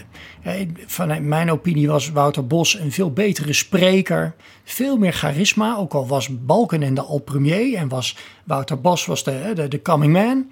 Het deed ook heel goed in de peilingen. Eh, In, maart van dat jaar won hij de gemeenteraadsverkiezingen Ja, nog hij heeft met ook een keer op 60 kamerzetels gestaan in de die peilingen. Was, die was de te verslaan, de man eh, die, die echt verslagen moest gaan worden, min of meer. En het CDA heeft toen die hele campagne van Balkenende weten te draaien naar normen en waarden. En als er nou iets was wat Balkenende in elke haarvat uitstraalde, dan was dat fatsoen en normen en waarden. Ja, mensen, zelfs mensen die, die het idee hadden als ze Balkenende daar weer over hoorden van... Oh, daar heb je hem weer met zijn gezeur. Die zagen hem wel als eigenaar van dat onderwerp. En dat is belangrijk. Dat was, hè, die, was, hè, die zou je echt je laatste tientje geven. Een Uiterst fatsoenlijke man. En, en dat speelde ze heel slim uit. En toen maakte de Partij van de Arbeid ook nog eens de fout om juist daarop te gaan prikken bij het CDA. Van eh, meneer Balkenende, dit is niet zo netjes wat u nu doet. Ja, dat, daar snappen Ja. de mensen thuis helemaal Ja, niks en van. in dat jaar, 2006, eh, was er ook het eh, fameuze moment in het radiodebat van eh, Radio 1. eh, waar, waar het CDA, waar Balkenende, eh, Bos het volgende verweet. Bos, in de eerste plaats draait u met uw standpunt over het ontslagrecht. En in de tweede plaats bent u niet Maar wie draait hier nou? In Nee, het verkiezingsprogramma bent- u bent staat niet niks. Eerlijk, meneer Bos. In de stemwijzer U staat draait wat niet klopt. En u bent niet eerlijk. Dat is ongeveer het zwaarste eh, bezwaar wat je op tafel kunt leggen tegen een, eh, een opponent. Eh, namelijk dat iemand oneerlijk is en draait. En vervolgens ging het CDA dat elke dag, en ik ging als journalist daar ook elke dag naartoe, eh, in de fractiekamer van het CDA, eh, een, een draaipunt van Wouter Bos neerleggen. Want Ja. ze, ze hadden er een heleboel gevonden. Ja, het was een, echt een, een, een memorabel moment. Waarom? Omdat het in het debat zelf speelde het bijna geen rol. Toen dat debat was afgelopen had niemand het daarover. Het was gebeurd en het was voorbij. En ergens in het campagneteam van de Partij van de Arbeid dacht men... hé, hey, wacht eens eventjes. Dat is een persoonlijke aanval. Dat en dat gaan wij uitmelken. hè. Dat een staatsman dat niet Ja, moet dat zeggen. dat niet netjes is. Ja, dat dat niet netjes is. Waarmee ze dus er zelf voor kozen om Balkenende op zijn sterkste punten aan te ik vallen. herinner me zelfs, het was denk ik de dag daarna. eh, in het nieuws stond Wouter Bos ineens in zijn achtertuin en deed hij een oproep aan Balkenende om het niveau wel een beetje hoog te houden. Ja, en dat, ja, dat, dat, dat sloeg snoeihard terug. En nou, precies wat jij zegt, daarna ging het CDA. Iedere dag kwamen ze met de draai van de dag bij de Partij van de Arbeid. En daar raakten ze precies aan iets waar mensen wel van vonden bij de Partij van Arbeid en Wouter Bos. Ja, het klopt wel dat ze op een paar dossiers de afgelopen jaren toch wel wat geschoven zijn. Ja, en dat had natuurlijk ook mee te maken. Wouter Bos was een jonge, frisse kandidaat. En de Partij van de Arbeid heeft soms de neiging om wat, ja, wat lang vast te houden aan, aan oude eh, waarheden. En hij vernieuwde dat. En dan draaien in de ogen van sommigen. Dat was trouwens het jaar waar nog een interessant moment zat, 2006. Uh, waar Bos dan weer wel goed uitkwam. Dat was in een RTL-debat met Balkenende. En dat ging als volgt. Dat economisch herstel, dat hebben we samen gedaan. Het is niet moeilijk om zo drie voorbeelden te noemen van bijdragen die u gevraagd heeft van mensen met de allerlaagste inkomens. En bijvoorbeeld de bezuiniging op de huursubsidie of het bezuinigen op het armoedebeleid. Dat zijn dingen die de allerlaagste inkomens geraakt hebben. En ook de middeninkomens hebben een bijdrage geleverd. Denk wat u aan hen gevraagd heeft rond fut- en prepensioen bijvoorbeeld. Maar noem mij nou eens drie voorbeelden van iets dat u de afgelopen jaren gevraagd heeft aan de mensen in Nederland met de allerhoogste inkomens. De mensen met allerhoogste inkomens. We hebben gezegd, de mensen in het bedrijfsleven moeten eerst de zaak maar eens transparant maken. Een code tabaksblad. De mensen, wat heeft u van ze gevraagd? Ik heb vervolgens uh, gezegd, degenen die bij de overheid werken, dan moeten eens goed kijken van kunnen we tot een normering overgaan. En hetzelfde geldt voor mensen in woningcorporaties, ziekenhuizen enzovoort. Maar... Laten we kijken voor normering. En dan zeg ik van, want ik, we zijn ook, ik, u doelt misschien op de brief die enkelen hebben geschreven. Nee, nee deze ik doe niet op een brief. Het gaat mij erom dat iedereen in zijn portemonnee in Nederland gevoeld heeft dat een bijdrage gevraagd werd om die economie weer op gang te, te brengen. Mensen die, die in de bijstand zaten, mensen die dachten dat ze op hun 55ste eruit kunnen. Van hen allemaal heeft u een bijdrage gevraagd. En, op, veel van die punten, op veel van die punten heeft u ook nog steun van ons gekregen. Wat u niet gedaan heeft. Maar goed, geef me dan twee voorbeelden. Geef me twee voorbeelden van maatregelen die u genomen heeft die alleen de mensen met de hoogste inkomens om een bijdrage gevraagd hebben. De mensen met de hoogste inkomens betalen ook de hoogste belastingtarief. Dat is één. Twee, we hebben gezien dat mensen... We hebben gezien dat Geeft u mij mensen, één voorbeeld ook, van iets wat u gevraagd heeft aan mensen met de allerhoogste inkomens. Er zijn ook Eén mensen, voorbeeld en ik ben tevreden. Meneer Wester. Um, ja, u moet het nu echt even zelf doen hoor. Ik zal. Nee. Bos was dit versus Balkenende. En dit is nog heel vaak later, ook in andere debatten, door anderen geprobeerd te evenaren. Ja, maar dan is het altijd een, een kopie van, uh, uh, ja, kopie van het echte. En het echte is altijd beter dan het kopie. Ja, die pakte hier heel goed uit. En dat vind ik het, dat is een van de mooie dingen aan verkiezingsdebatten. Dat je, dit soort dingen zijn natuurlijk voorbereid. Maar dan moet het ook in de uitwerking nog lukken. Dus je kan vaak pareltjes voorbereiden, maar die er gewoon net niet lekker uitkomen. Of dat het net in dat debat je het niet kan inzetten. Dus je, het gaat niet alleen om het briljante idee van tevoren, wat je bedenkt. Degene die daar staat, moet ook nog de kans krijgen in het debat om het op het juiste moment geloofwaardig te brengen. Dat, dat je als kijker niet het gevoel hebt, dit is voorbereid. En dan moet hij het ook nog eens zo spelen dat het lijkt alsof het ter plekke in hem opkomt. En die ander moet er ook nog eens intrappen. En ja, pas als dat allemaal bij elkaar komt, ja, dan heb je een, een, een ja, gouden moment. En dat gebeurt dus niet zo vaak. Maar hier was ja, een situatie ja. En dit, dit kun je dus ook wel testen als politicus met je partijgenoten. In, in die voorbereidende interne debatten. En dan kan het dus, dus toe leiden dat je als lijsttrekker heel erg boos wordt op je partijgenoten. Want het gaat er hard tegen hard aan. Ja, maar ze, ze moeten je uh, uh, ja, zo hard mogelijk aanpakken. Dat het in, in de echte wedstrijd eigenlijk alleen maar meevalt. Hè? Als je in de training al, al vier keer uh, vol op je schenen bent getrapt. Ja. Dan is dat wat je verwacht. Als het dan meevalt, dan sta je er alleen maar extra makkelijk van. Nou, gaat lekker. Ja, vandaag. Toen, toen Diederik Samsom lijsttrekker werd van de Partij van de Arbeid. Toen zei hij een keer, en dat vond ik heel interessant. Ja, ik ben wel goed voorbereid al eigenlijk jarenlang op dit soort debatten. Want ik ga regelmatig, uh, zelfs als er geen verkiezingen zijn, het land in en aanbellen bij mensen aan de deur met rozen. En dan krijg ik vaak de wind van voren. Oh, u bent van de Partij van de Arbeid. Verschrikkelijk dit en dit en dat. Dus ik ken echt elk kritiekpuntje wat denkbaar is over mijn partij. Dat, dat ken ik uit het hoofd. En ik weet inmiddels hoe ik daarop moet antwoorden. Ja, nou, en, en zo is het. Je moet daar. Uh, um, je moet daar meters in maken. En dat eindeloos oefenen in al die varianten voorbereid zijn op wat er kan komen en hoe je daarmee om moet gaan. Dit is Betrouwbare Bronnen, een podcast met betrouwbare bronnen. Zonder meningsverschil geen goed debat. Stellingen zijn belangrijk, zei je al. Hoe formuleer je nou een uitstekende stelling? Wat, wat moet daarin zitten om de stelling zo te maken dat de kijkers en dus de kiezers een duidelijk verschil zien tussen die kandidaten en op die basis ook misschien een keuze kunnen maken. ja, zijn, eh, de belangrijkste criteria daarvoor zijn allereerst dat de kijker die stelling in één keer moet snappen. Dus het moet iets, het zinnetje wat je opschrijft, en bij een goed debat laat je dat ook continu in beeld staan, die stelling. Mensen moeten snappen wat daar staat. Uh, dus het moet ook een kort zinnetje zijn. Tweede criterium is dat je zeker moet weten dat de partijen daar verschillend over denken. Dus dat, nou stel dat er vier partijen staan, er in ieder geval twee partijen zijn die het daarmee eens zijn. En dan twee die het oneens zijn. Of één, drie mag ook. Maar daar moet echt een meningsverschil over bestaan. En het derde, en dat is waar je goed over moet nadenken, ook van tevoren is: oké, als dat nou de stelling is en ze verschillen van mening, wat denken we dat ze aan argumenten naar voren zullen brengen? En vinden we dat een interessant gesprek? Want je kan een, de neiging is nog wel eens om een hele spannende stelling eh, te vertellen, eh, neer te zetten. En het kabinet heeft gefaald de afgelopen vier jaar. Nou, dat ziet er prachtig uit. Dan weet je zeker, de regeringspartijen zijn het oneens, de oppositiepartijen zijn het eens.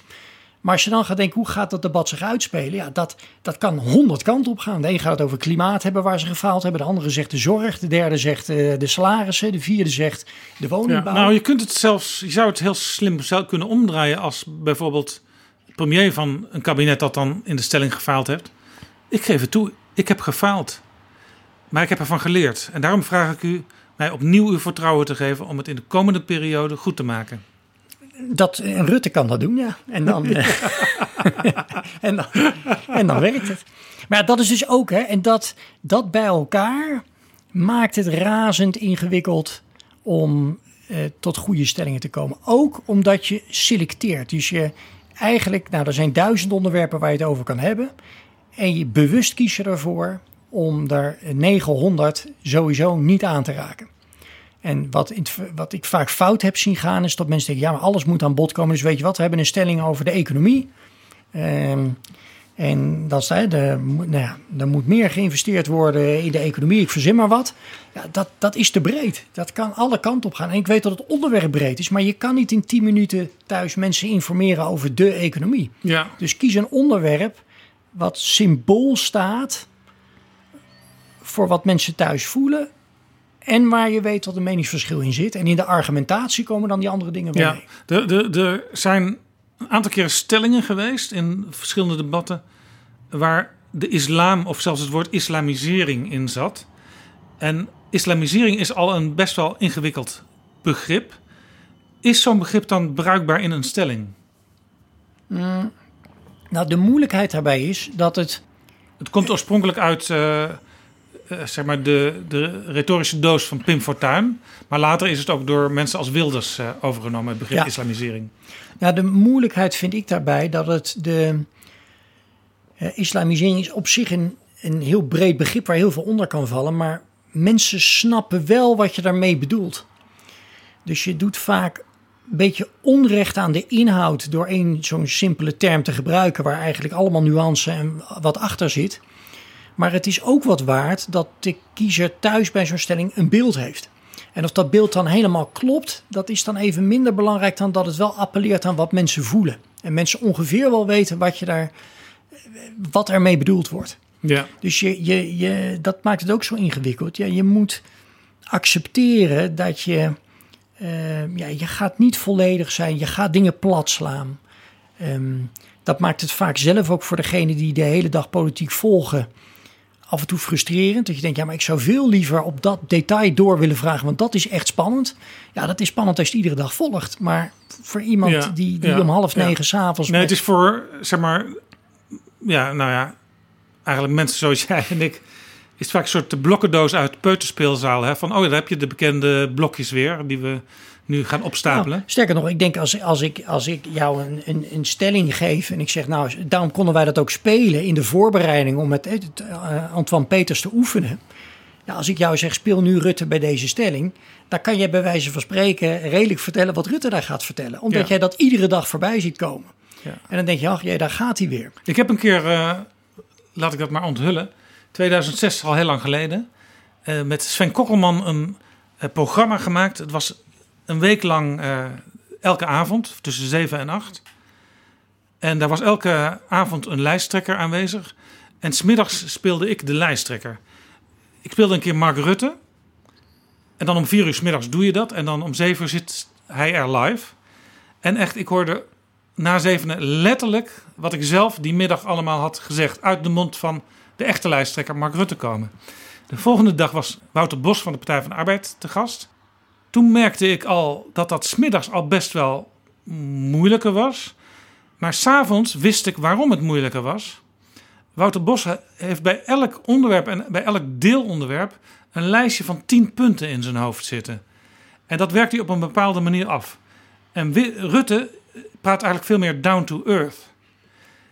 Dus op een gegeven moment, als je Rutte een beetje kent, is het makkelijker dan het spelen van Wouter Bos. Ook zelfs als je die een beetje kent. Want die heeft veel complexe dingen in zijn hoofd zitten. Ja, en, maar dan is dus, dat is misschien dan een van de krachten van Mark Rutte. Die is gewoon ehm, een vaste boodschap. Dus het is heel herkenbaar. Als politicus is het een soort Unox-worst. Je weet precies, je weet wat je krijgt. En dat is een kwaliteit. Hè? Ja. Dat is wat door heel veel mensen gewaardeerd wordt. Ehm, alleen, als je nu iedere dag politiek van dichtbij volgt... Ja, dan op een gegeven moment dan, dan word je er een beetje tureluurs van. Zeker als een BR al tien jaar zit. Want dan weet je, ja, nou, dan gaan we. Dan gaat hij dat rondje draaien. En nu gaat hij die kant op. Al moet ik zeggen dat ik bij hem ook af en toe nog wel weer van kan genieten. Omdat hij het dan Ja. net weer op zo'n Ja. manier doet. Dat je denkt, nou, nou, nou, dat is toch weer een leuke variatie op het thema. Ja. Maar dat moet ook als. Kijk, misschien dat de luisteraars nu denken: van, ja, maar dan, is- dan wordt het een spelletje. Nee, dat is het niet. Het is ook de taak van een politicus om die complexe materie ja, begrijpelijk te verpakken op een manier dat het ja, resoneert bij mensen thuis. En dat, dat is een vak apart. Je moet goed kunnen communiceren. Je moet dat helder kunnen uitleggen. Ja. Omdat je ook niet, daarvoor ben je ook ingehuurd als politicus. Ja. Er is een kandidaat nu in 2021, Sigrid Kaag. En die heeft het steeds over. Na tien jaar is het tijd voor nieuw leiderschap. Het begint met de overtuiging. Het begint bij jullie en met jullie. En als jullie ervoor gaan, staat er geen maat op wat wij samen kunnen bereiken. Het is tijd voor een nieuw Nederlands perspectief. Nieuw leiderschap. Dat klinkt interessant, klinkt ook sympathiek. Kun je daar met een aantal lijsttrekkerskandidaten tegelijk een debat over voeren? Van hoe gaat u leiderschap neerzetten? Ik denk dat het te vaag is, omdat het. ehm, het is namelijk sowieso altijd in het voordeel van Mark Rutte als die daarbij is. Omdat hij al getoond heeft de leider Want te dan, zijn. hè, dan zeg je het moet wat anders worden dan Rutte. Dus eigenlijk is het dan, je kiest of voor Rutte of je hebt een keuze uit zes. Ja, Dus dat dan- is trouwens eh, helemaal natuurlijk waar deze verkiezingscampagne waarschijnlijk eh, op uit gaat draaien.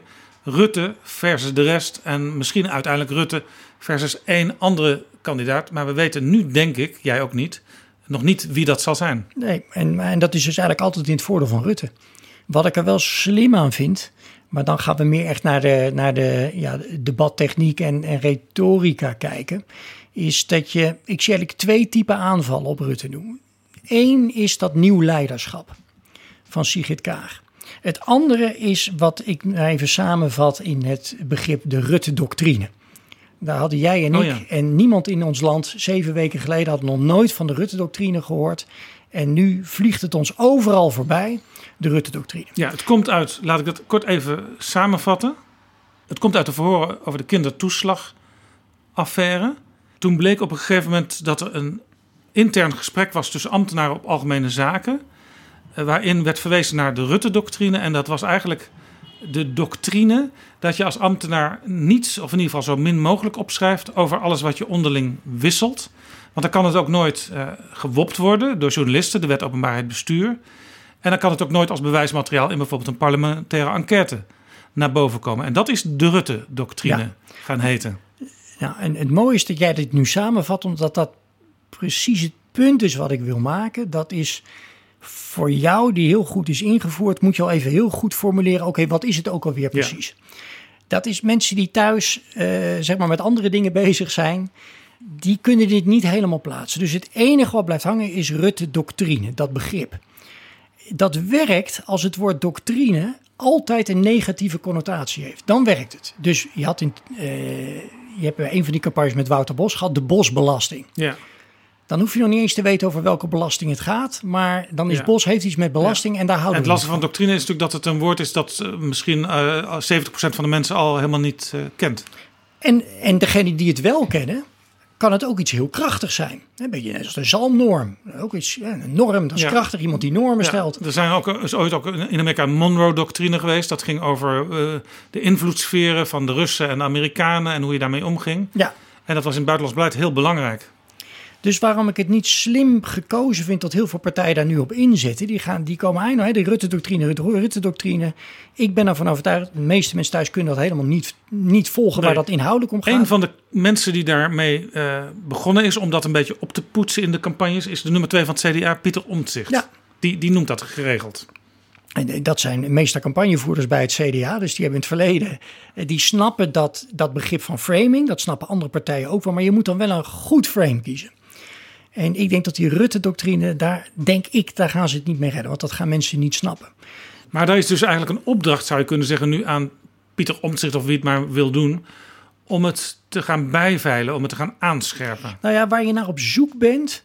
Je moet gaan kijken. Als je nu naar de peilingen kijkt, dan staat Rutte, eh, staat die torenhoog. Eh, Daar is over het algemeen waardering voor hoe de coronacrisis wordt aangepakt. Dus je, ik denk Rutte inhoudelijk hard aanvallen. Daar zit de kiezer niet op te wachten. Terwijl tegelijkertijd er natuurlijk ongelooflijk veel is waar je de man op zou kunnen aanvallen. Als je alleen al kijkt naar die toeslagenaffaire, nou, daar hoeven we nu helemaal uit te werken. Maar daar kan je hem echt wel pakken. Maar de kiezer die heeft daar nu niks mee, want we hebben een grote crisis te pakken. Dus je moet iets zien te vinden. Ja, dat bleek ook uit eh, peilingen voordat het kabinet aftrad. De meeste Nederlanders vonden dat eigenlijk niet nodig. En dat, dat bracht dus ook in verband met inderdaad die grotere crisis waar we nu allemaal in zitten. Ja, terwijl je eigenlijk, hè, als je dat even wegdenkt, wat daar gebeurd is bij de toeslagenaffaire, is natuurlijk, nou ja, als een, een kabinet op dag één had moeten vertrekken en de premier die er Ja, al tien jaar zit. Als er één reden is om weg te gaan, is het, is het deze reden wel. is dat het. En zou je als premier zou het ook eigenlijk echt wel einde oefening moeten zijn als je er tien jaar opgezet. Maar nu eh, is de situatie anders. Dus ik denk dat een slimmere tactiek is. En dan kom ik bij dat nieuw leiderschap. Ik denk dat dat slimmer gekozen is. Ik denk dat je bij Rutte, bij de kiezer veel meer kan landen. Dat je, dat je en dan denk ik, dan maak ik even een hele grote stap naar Churchill aan het eind van de Tweede Wereldoorlog. Iedereen waardeerde hem, uiteindelijk gekozen tot de greatest Britain ever. Wint de Tweede Wereldoorlog en wordt in 1945 gewoon snoeihard door de kiezer weggestemd. Niet omdat ze een hekel aan hem hadden, maar omdat er gevoel was: we hebben nu wat nieuws nodig. En als je dat weet te raken, dus als je weet te zeggen van we gaan Rutte niet hard aanvallen, maar we gaan indirect dat wel doen. Van, waar Rutte toch heel goed in is geweest, is toch een beetje het wielen en dealen. Dat gevoel heeft iedereen wel. Heeft het toch wel goed gedaan dat hij niet altijd de waarheid sprak, maar daardoor kon hij wel de boel een beetje bij elkaar houden. Vaak ook wel grote beloftes. Hij heeft een hekel aan visie, dus is iemand die niet van vergezichten houdt. Dat heeft prima gewerkt, maar wat we nu nodig hebben, aan het eind van deze coronacrisis, hebben we die visie wel nodig. Ja. Ik denk dat je dan iets raakt waarvan de kiezer zou kunnen denken: jee, ja. Alleen, ja, nu zit Sigrid Kaag die dat zegt. En dan moet het dus ook nog de kiezer daarna denken. En hey, die Sigrid Kaag, die ziet dat wel doen. Ja. Volgens de peilingen gebeurt dat nu nog niet. Nee, wa- wat je wel ziet is dat Wopke Hoekstra misschien eh, van deze lijn ook gebruik zou kunnen maken. Eh, want die zat namelijk eh, heel dicht de afgelopen vier jaar al op Rutte. Eh, hij ging over de financiën. En besliste dus eigenlijk mee over al het nieuw beleid. En ook op hoog niveau. Hè. In Europa sprak Hoekstra ook mee. Dus als je niet heel ontevreden bent over het beleid in het algemeen. En dat blijkt ook uit recente peilingen. Eh, maar misschien langzamerhand wel vindt dat er eens iemand anders aan het roer moet gaan staan. Dan, dan zou Hoekstra daarvan kunnen profiteren. Ja, maar de, de- dat zou zeker kunnen. Maar die kiest er wel, althans op eh, dat partijcongres, toch wel redelijk voor de frontale aanval. Ook ja, dat ging ook niet. over gebroken belofte. Hè? Dat Ja. was opmerkelijk. En ik had graag, maar er komt misschien nog een gelegenheid voor eh, Hoekstra's willen vragen. Noem eens vijf van die gebroken beloften. En anders vier en anders Ja. drie. kijken, wat hij dan, kijken wat hij dan zegt. Maar ik denk dat het dat hard aanvallen van Rutte. Als je een grote partij wil worden, gaat dat niet werken. Dus je moet, het moet iets zijn van een nieuw geluid. Maar ja, dat, het moeilijkheid is.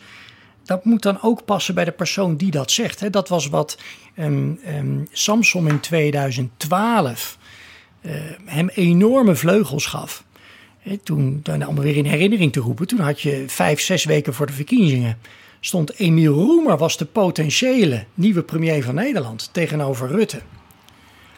Ehm, dat waren echt de twee die het met elkaar zouden gaan uitvechten. Ja, dat was echt heel.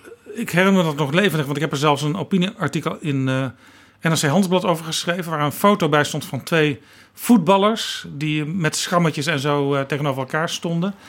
En dat waren uh, Rutte en Roemer. Want het idee was toen een aantal weken lang. een van die twee, die wordt premier. Ja, en daar, daar gebeurden eigenlijk twee dingen. Eén, dat, dat Roemer gewoon door het ijs heen ging. Eh, ik denk dat bij heel veel mensen, nou, eh, zoals jij, die die, die politiek dagelijks volgen, echt wel een gevoel was: ja, die Roemer is een sympathieke kerel, maar als premier, ik weet het niet. Dus daar werd toch ook wel extra kritisch naar gekeken. En die ging door het ijs. Maar tegelijkertijd stond daar een Samson, dat was het allereerste verkiezingsdebat toen in, van RTL 4, het, het, eh, het premiersdebat in de Rode Hoed. En wat deed um, Samson daar? Die kwam met het eerlijke verhaal. Er bestaat geen formule voor perfect leiderschap. Er bestaat wel een recept voor mislukking. Zoete broodjes bakken, karikaturen schetsen, anderen de schuld geven. Nederland zit niet te wachten op een voortzetting van de politiek die ons in de afgelopen tien jaar vijf verkiezingen bezorgde. Nederland heeft politici nodig met een kompas. Mijn kompas, eerlijk delen en vooruitgang mogelijk maken. En met dat kompas en met de energie, de idealen en de overtuigingskracht wil ik samen met u Nederland beter maken. Dat was heel krachtig, want toen kon hij heel mooi in het midden staan. Dus je had, je had Rutte tegenover Roemen aan het bekvechten. En jij staat daar in het midden, je zegt het eerlijke verhaal. Rutte had toen al een beetje dat imago van, nou ja, het is een hele goede kerel. Maar of het allemaal klopt wat hij zegt met zijn duizend euro, dat weten we niet. Uh, dus hij doet wel beloftes, maar... Hm, en toen kwam hij met dat eerlijke verhaal. Nou, en uh, ja, de rest is history. Ja, ik had Samson dat al horen zeggen op Lowlands, kort daarvoor. Uh, toen mocht iedereen op het podium een beetje heen en weer lopend een, een eigen verhaal uh, houden. En toen hoorde ik dat voor het eerst en toen dacht ik, hé, hey, dat, is, dat is een hele andere invalshoek dan ja. al zijn collega-kandidaten hebben. Uh, en dat heeft hij blijkbaar toen zo uitgewerkt. In dat Rode Hoed-debat kon hij dat sublimeren ten opzichte van de rest en, het, en, zeker ten opzichte van Rutte ook. En het paste heel erg bij zijn persoon. Dus dat, hij, dat was waar ik bij, bij Kaag een beetje twijfel van nieuw leiderschap. Ja, dan moet ook degene die dat zegt, moet je dat bij voelen van nou, zij zou het kunnen zijn. Nou, ik ga puur op de peilingen af, dan blijkt dat nog niet zo te zijn. Maar Samson toen was toch ook, een ook echt nog een beetje een echte Partij van de Arbeid karakter. Echt ja. ook een jongen van de straat, die, die, die kon dat zeggen. Samson zegt dus eigenlijk heel eenvoudig, geef mij uw vertrouwen.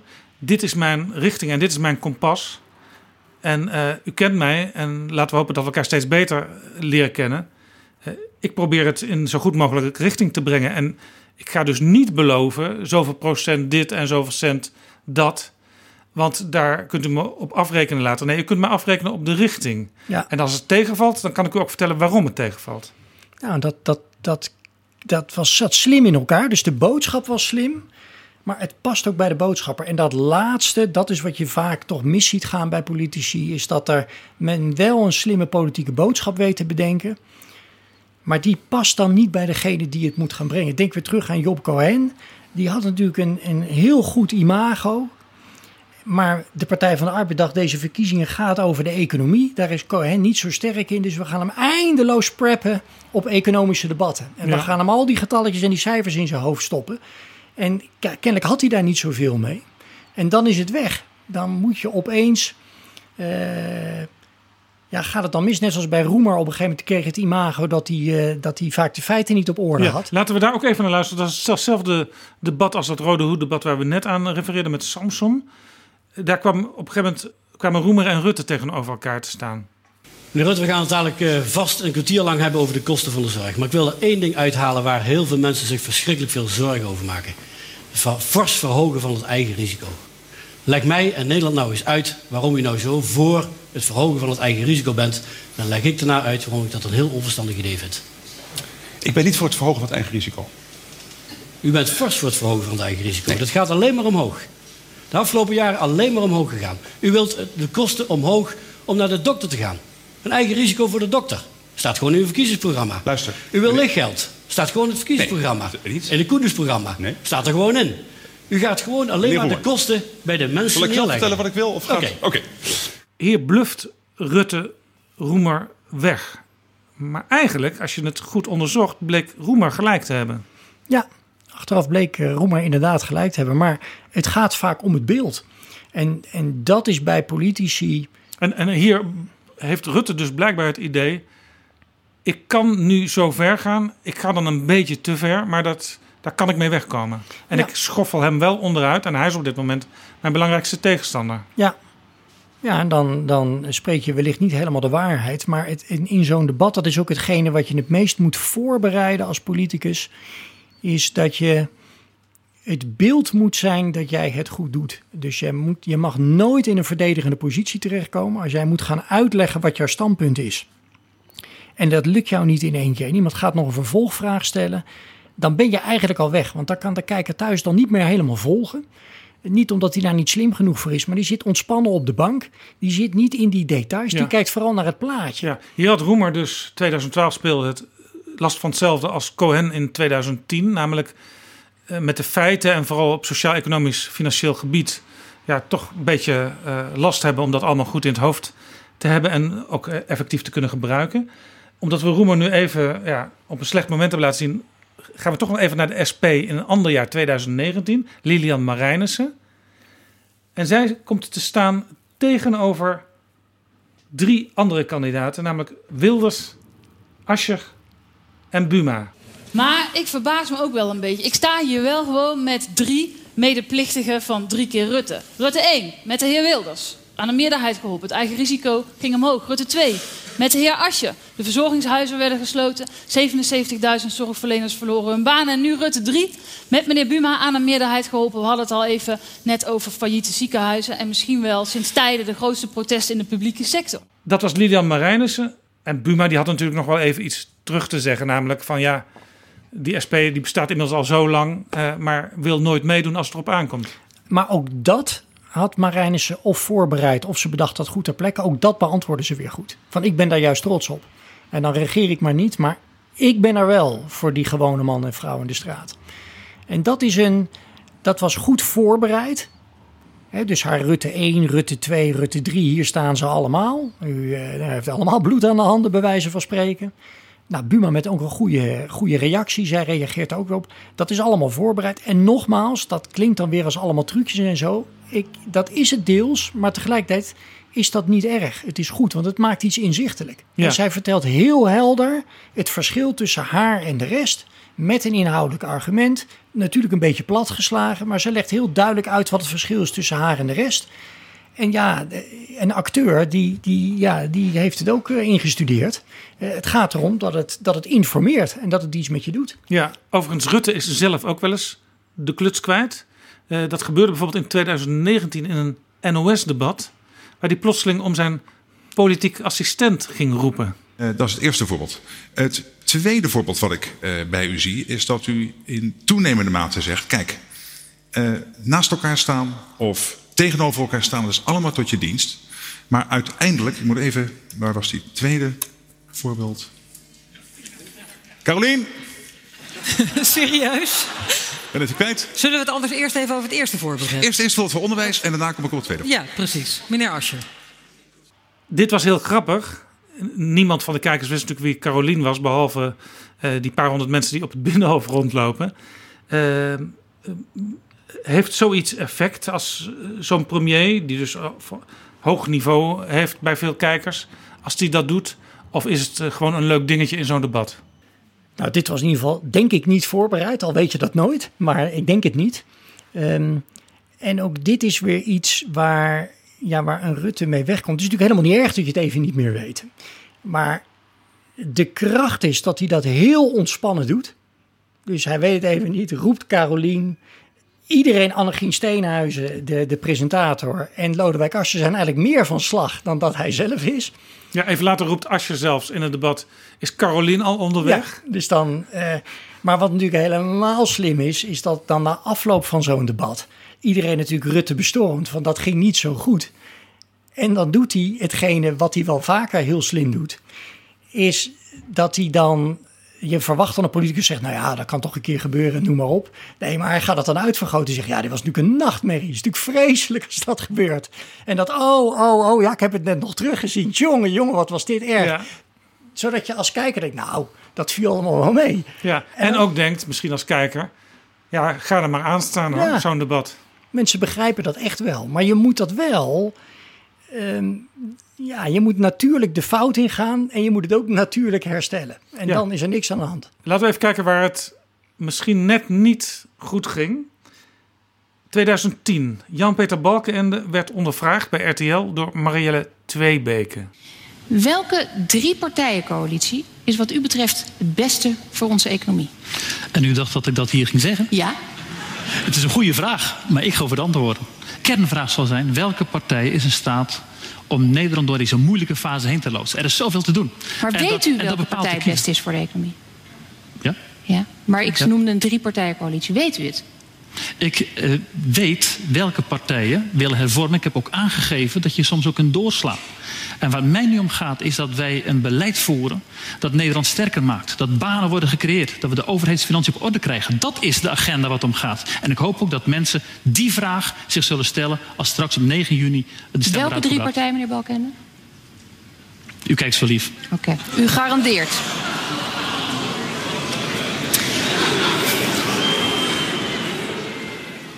Ja, daar zei dus de premier, want dat was Jan-Peter Balkenende toen, tegen de interviewster. U kijkt zo lief. Ja. Ja, dat, ook dat is weer. Ik heb dat fragment, eh, weet ik niet hoe vaak teruggekeken. Wat in mijn analyse, wat dit. De kracht van dit fragment en het, het pijnlijke voor Balkenende is de stilte die Marielle Tweebeke laat vallen nadat hij dat gezegd heeft. Omdat, hij dan, omdat Balkenende dan helemaal op zichzelf teruggeworpen is op zo'n Ja, moment. Dus hij zegt, u kijkt zo lief. Die zaal die reageert van oeh, van hoe kan je dat nou wel zeggen? En zij blijft gewoon even een paar seconden stil. Waardoor even land van, ja, kan je dit eigenlijk wel zeggen tegen, tegen iemand die tegenover je staat? Ja. En zij, ge- zij ging ook weer door met de volgende vraag. Ja. Maar ondertussen was dit ongeveer het fragment waar iedereen nog dagen over napraatte. Ja, nou en eh, zo zie je maar. Hè. Eén klein fragmentje, dan ben je dus eh, in het geval eh, van Balken en de acht jaar premier. Heb je alles meegemaakt, alles gedaan. En dan sta je in zo'n verkiezing. Natuurlijk is dat niet het enige. Nee. Maar, het, is, het klinkt een beetje alsof je het staat te debatteren bij het studentenkoor. Hè? Dan kan ik me voorstellen dat zoiets je, je binnenvalt en dat je dat dan ook zegt. Maar hier kun je toch denk ik bij heel veel Nederlandse kiezers niet mee scoren. Nee, maar ja, die debatten zijn natuurlijk eindeloos voorbereid. Je hebt alle varianten bedacht. Maar ja, dan moet natuurlijk wel iets. Je probeert ook een beetje spontaan te zijn. Dit komt bij hem op. Ja, hij zegt het. Tuurlijk is het, het is ook niet een schande, hè? maar het is een beetje onhandig. Maar ja, dan is het een cumulatie van dingen. En dan nogmaals, met name haar stilte. Die maakt het tot een groot moment. Het feit dat zij even de mond houdt. En die, je hoort die zaal. En je ziet hem denken, oei,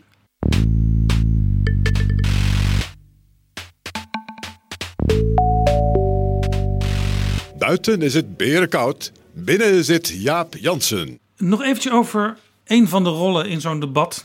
En niet de minst belangrijke, namelijk die van de debatleider. Ik heb al een beetje uit jouw betoog begrepen. Hij moet streng zijn, maar hij moet de wedstrijd ook weer niet doodfluiten. Nee, helemaal eens. Dus je, je, en dat maakt die rol inderdaad ingewikkeld. Want je zit natuurlijk vaak met eh, iedereen heeft één minuut of twee minuten spreektijd. Eh, er is een vraag gesteld en die vraag moet bij elke kandidaat eh, hetzelfde zijn om het een beetje gelijk, gelijk speelveld te houden. Dus je hebt niet heel veel ruimte als, eh, als debatleider. Nee, ik denk dat je da- daarna, zeg maar, in het tot op elkaar kunnen reageren. Dan moet je eigenlijk zo min mogelijk doen als debatleider. Het grootste gevaar wat je daar loopt is dat je denkt dat je iedere keer weer wat moet zeggen. Terwijl het enige wat je hoeft te doen is zorgen dat iedereen aan bod komt. Nou, voor een deel wijst zich dat vanzelf wel. Want voeden die politici ook wel aan dat de bal een beetje rond moet. Dus je hoeft alleen maar in te grijpen als iemand echt maar niet aan bod komt. En je moet zorgen dat het bij het onderwerp blijft. En voor de rest hoef je niks. Net, ja, ik maak heel vaak die vergelijking met een voetbalwedstrijd of een andere sportwedstrijd. Dat is ook de taak van de scheidsrechter. Die echt de beste scheidsrechter is zo onzichtbaar mogelijk. En die laat het spel het spel, als maar wel op het veld gebeurt wat moet gebeuren. Ja, soms hoor ik een debatleider zeggen: U staat niet goed in de peilingen. Hoe gaat u dat nog veranderen? Is zo'n vraag eigenlijk wel geoorloofd in een heel strak geregisseerd debat? Nee, dat vind ik niet. Omdat je, dan ben je al die kijker thuis aan het beïnvloeden. Want het, strikt genomen is helemaal niet relevant hoe die partij staat in de peilingen. En dat weet die kijker thuis, denk ik, voor een deel ook wel. Het, het is die, ja, een debat is die ultimate testing of ideas. Daar staan daar mensen met verschillende ideeën op de maatschappij. Die wil ik horen. En hoe iemand dan in die peilingen staat, is op dat moment zou geen rol moeten spelen. Dat doet het wel, maar dat hoef je niet te benadrukken als debatleider. Dus Nee. je hoeft alleen te zeggen, wat vindt uw partij?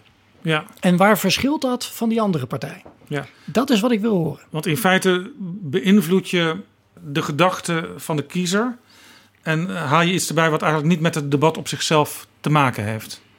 Eh, eh, dat is ook eens een keertje gebeurd in, in een filmpje bij Eén Vandaag. Daar werden de thema's en de lijsttrekkers met filmpjes geïntroduceerd. En toen eh, werd Wilders neergezet als een leider met een scherpe visie, even samengevat. Maar daar frame je eigenlijk ook al iemand, in dit geval heel positief mee, Ja. voordat hij zelf aan het woord komt. Ja, ik kan me zelfs herinneren, ook bij een Eén Vandaag debat. Hè, dan wordt er aan het begin even zo'n rondje gedaan, iedereen een vraag. Dat was in 2006 volgens mij. Ehm, Rutte was net lijsttrekker, stond er slecht voor in de peilingen. En die kreeg een vraag in de trant van, uw voorganger heeft ooit gezegd... als ik zoveel zetels haal, dan stap ik op. Eh, wat is bij u de grens? Nou, oké, Rutte beantwoordt die vraag. Volgende vraag is aan Alexander Pechtold. Meneer Pechtold, uit een peiling blijkt dat 30% van de Nederlanders u als ideale alternatieve premier zijn, vindt, Ja, ziet. Dus eigenlijk Wat vindt u daarvan? Rutte werd als een soort geboren verliezer Het is, neergezet. ja, het is alsof de, de scheidsrechter het veld oploopt en, en de ene speler eh, nog even een, een eh, nou ja... In feite zegt de scheidsrechter: Pas op, meneer Rutte, want ik heb hier een rode kaart en die trek ik misschien straks wel voor u. Ja. En eh, tegen de andere speler. Van je hebt nog een extra bal en een extra Ja, goal en eh, succes ermee. en dat zijn, het is niet slecht bedoeld, Nee. maar juist, kijk, de, de, ja, daar kan dat niet voldoende benadrukken. Die debatten zijn niet voor mensen die dagelijks die politiek volgen. Het is met name voor de mensen die dat niet doen. En die gaan je allemaal beïnvloeden met, met hele subtiele dingetjes. En dat gebeurt. Ja. Die niks te maken hebben met waar die partijen voor Nee. staan. Ook het publiek dat erbij zit, want meestal zit het publiek bij, kan invloed hebben op hoe het bij de kijker doorkomt. Ja, door, eh, door te applaudisseren natuurlijk. Nou zitten er vaak in zalen ponsponsgewijs afgevaardigden van alle achterbannen die deelnemen. Ja. Wordt ook vaak door redacties gevraagd: doe partij-t-shirtjes aan, zet petjes op. Eh, laat zien dat je er bent. Maar het effect, en dat is in het verleden ook wel eens gebeurd. Als jij dat als partij slim aanpakt. En je zorgt dat. ehm, nou, je bent van de Partij van de Arbeid en jij gaat schuin achter Rutte zitten. En iedere keer als Rutte iets zegt, ga jij een beetje nee zitten schudden. Dat heeft effect. Dat Ja. heeft echt effect. Want jij kijkt daar van je huiskamer naar. Je ziet Ik herinner me dat ook, want eh, ik herinner me eens dat op Twitter, dan werd er de uren daarna, zag je van die uitvergrote mensen in het publiek zitten, die inderdaad alleen maar nee zaten te schudden. Ja, en dat is gewoon, dat, althans, ja, je kan het moeilijk hard maken, maar de kans is behoorlijk groot dat dat, ehm, ja, dat, dat geanceneerd is bij Amerikaans, bij Ja. al die town hall Ja, dus als je het zou willen anseneren als partij, wat wij dus niet aanraden, zeggen wij erbij, is eh, wees als eerste in die zaal en ga daar zitten waar de belangrijkste tegenstander gaat spreken en zit daar pal achter, zodat je net in beeld Ja, bent. of achter je eigen lijsttrekker en ga daar heel erg ja schudden. En dan helpt het ook nog, dat is wat je, daar hebben ze bij die Amerikaanse verkiezingen, bij die, bij die, die Trump rallies. ehm, daar heb je heel vaak dezelfde mensen, die reizen ook het hele land mee, die dan achter Trump zitten. En dat is dan een zwarte iemand en dat is een, zeg maar, herkenbare archetypes die daarachter zitten en die om het hart zitten te juichen, zodat extra dat beeld bevestigd wordt van, joh, die Trump spreekt iedereen aan. Ja.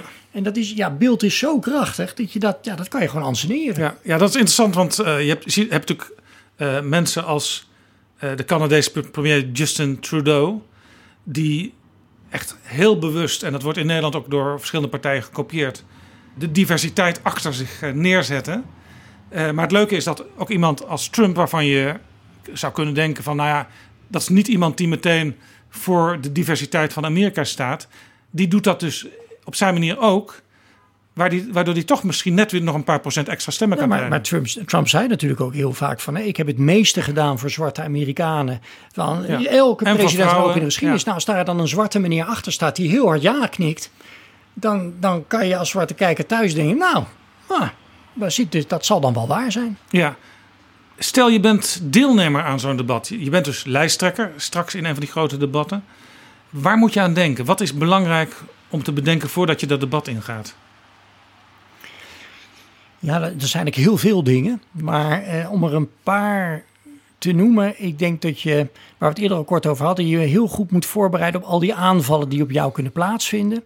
En je moet ontsnappingsroutes bedenken. Dus nogmaals, je mag nooit in de verdediging zitten. Je moet iedere keer een bocht weten te draaien, dat je zo snel mogelijk weer op een geloofwaardige manier in de aanval zit. Um, dus dat is een heel belangrijk iets wat je zal moeten doen. Um, je moet één of twee echt ja, prime targets gaan kiezen.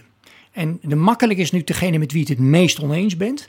Ja. Want daar kan je goed tegen profileren. Want als jij D66 bent, dan heeft jouw achterban een hekel aan Baudet. Stel dat hij daar toch zou staan. Ja. en voor Baudet is het ook uh, uh, handig, want er is ja. weinig grensverkeer tussen die twee partijen. Dus, dus je kunt er allebei bij winnen. Je kan lekker los en dan win je voor je eigen acht. Dus dat moet je hebben. Maar je moet ook goed bedenken, waar twijfelt mijn kiezer over? En die taal moet je vooral gaan spreken. Dus je moet ja, tussen GroenLinks en Partij van de Arbeid, maar of tussen GroenLinks en D66. Wat is de afweging die die kiezer maakt? En hoe ga ik dat bespelen? En dan, ja, dan zit je ook echt wel in de one-liners. Ja. Een goed voorbeeld. Maar en dat is ook tegelijkertijd wel heel moeilijk. Want bijvoorbeeld uh, als je Sigrid Kaag versus bijvoorbeeld Jesse Klaver uh, pakt...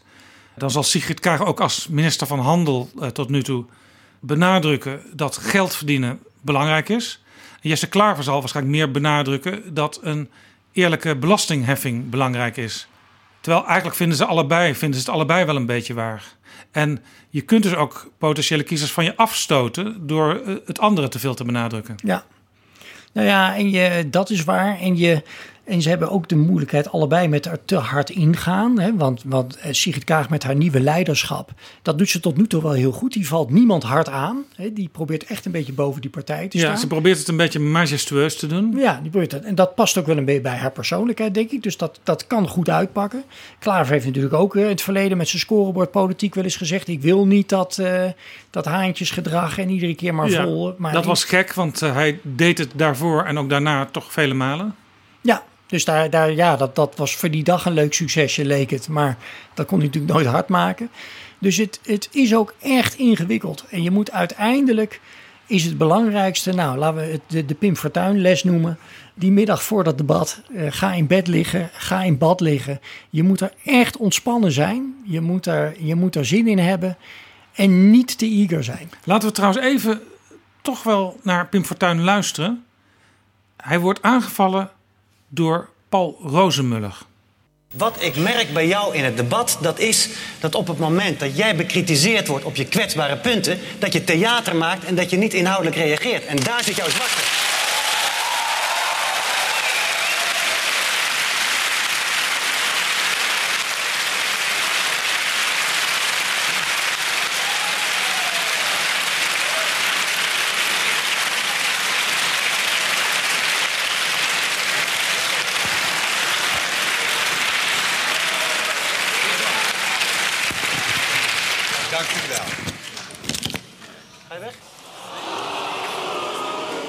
Dit was een interessant moment in een Erasmus-debat van een vandaag. Pim Fortuyn, de new kid on the block, die meteen heel goed scoorde in de peilingen en bij de gemeenteraadsverkiezingen in Rotterdam, zoals we hier in deze aflevering hoorden. Die krijgt het eigenlijk kwaad.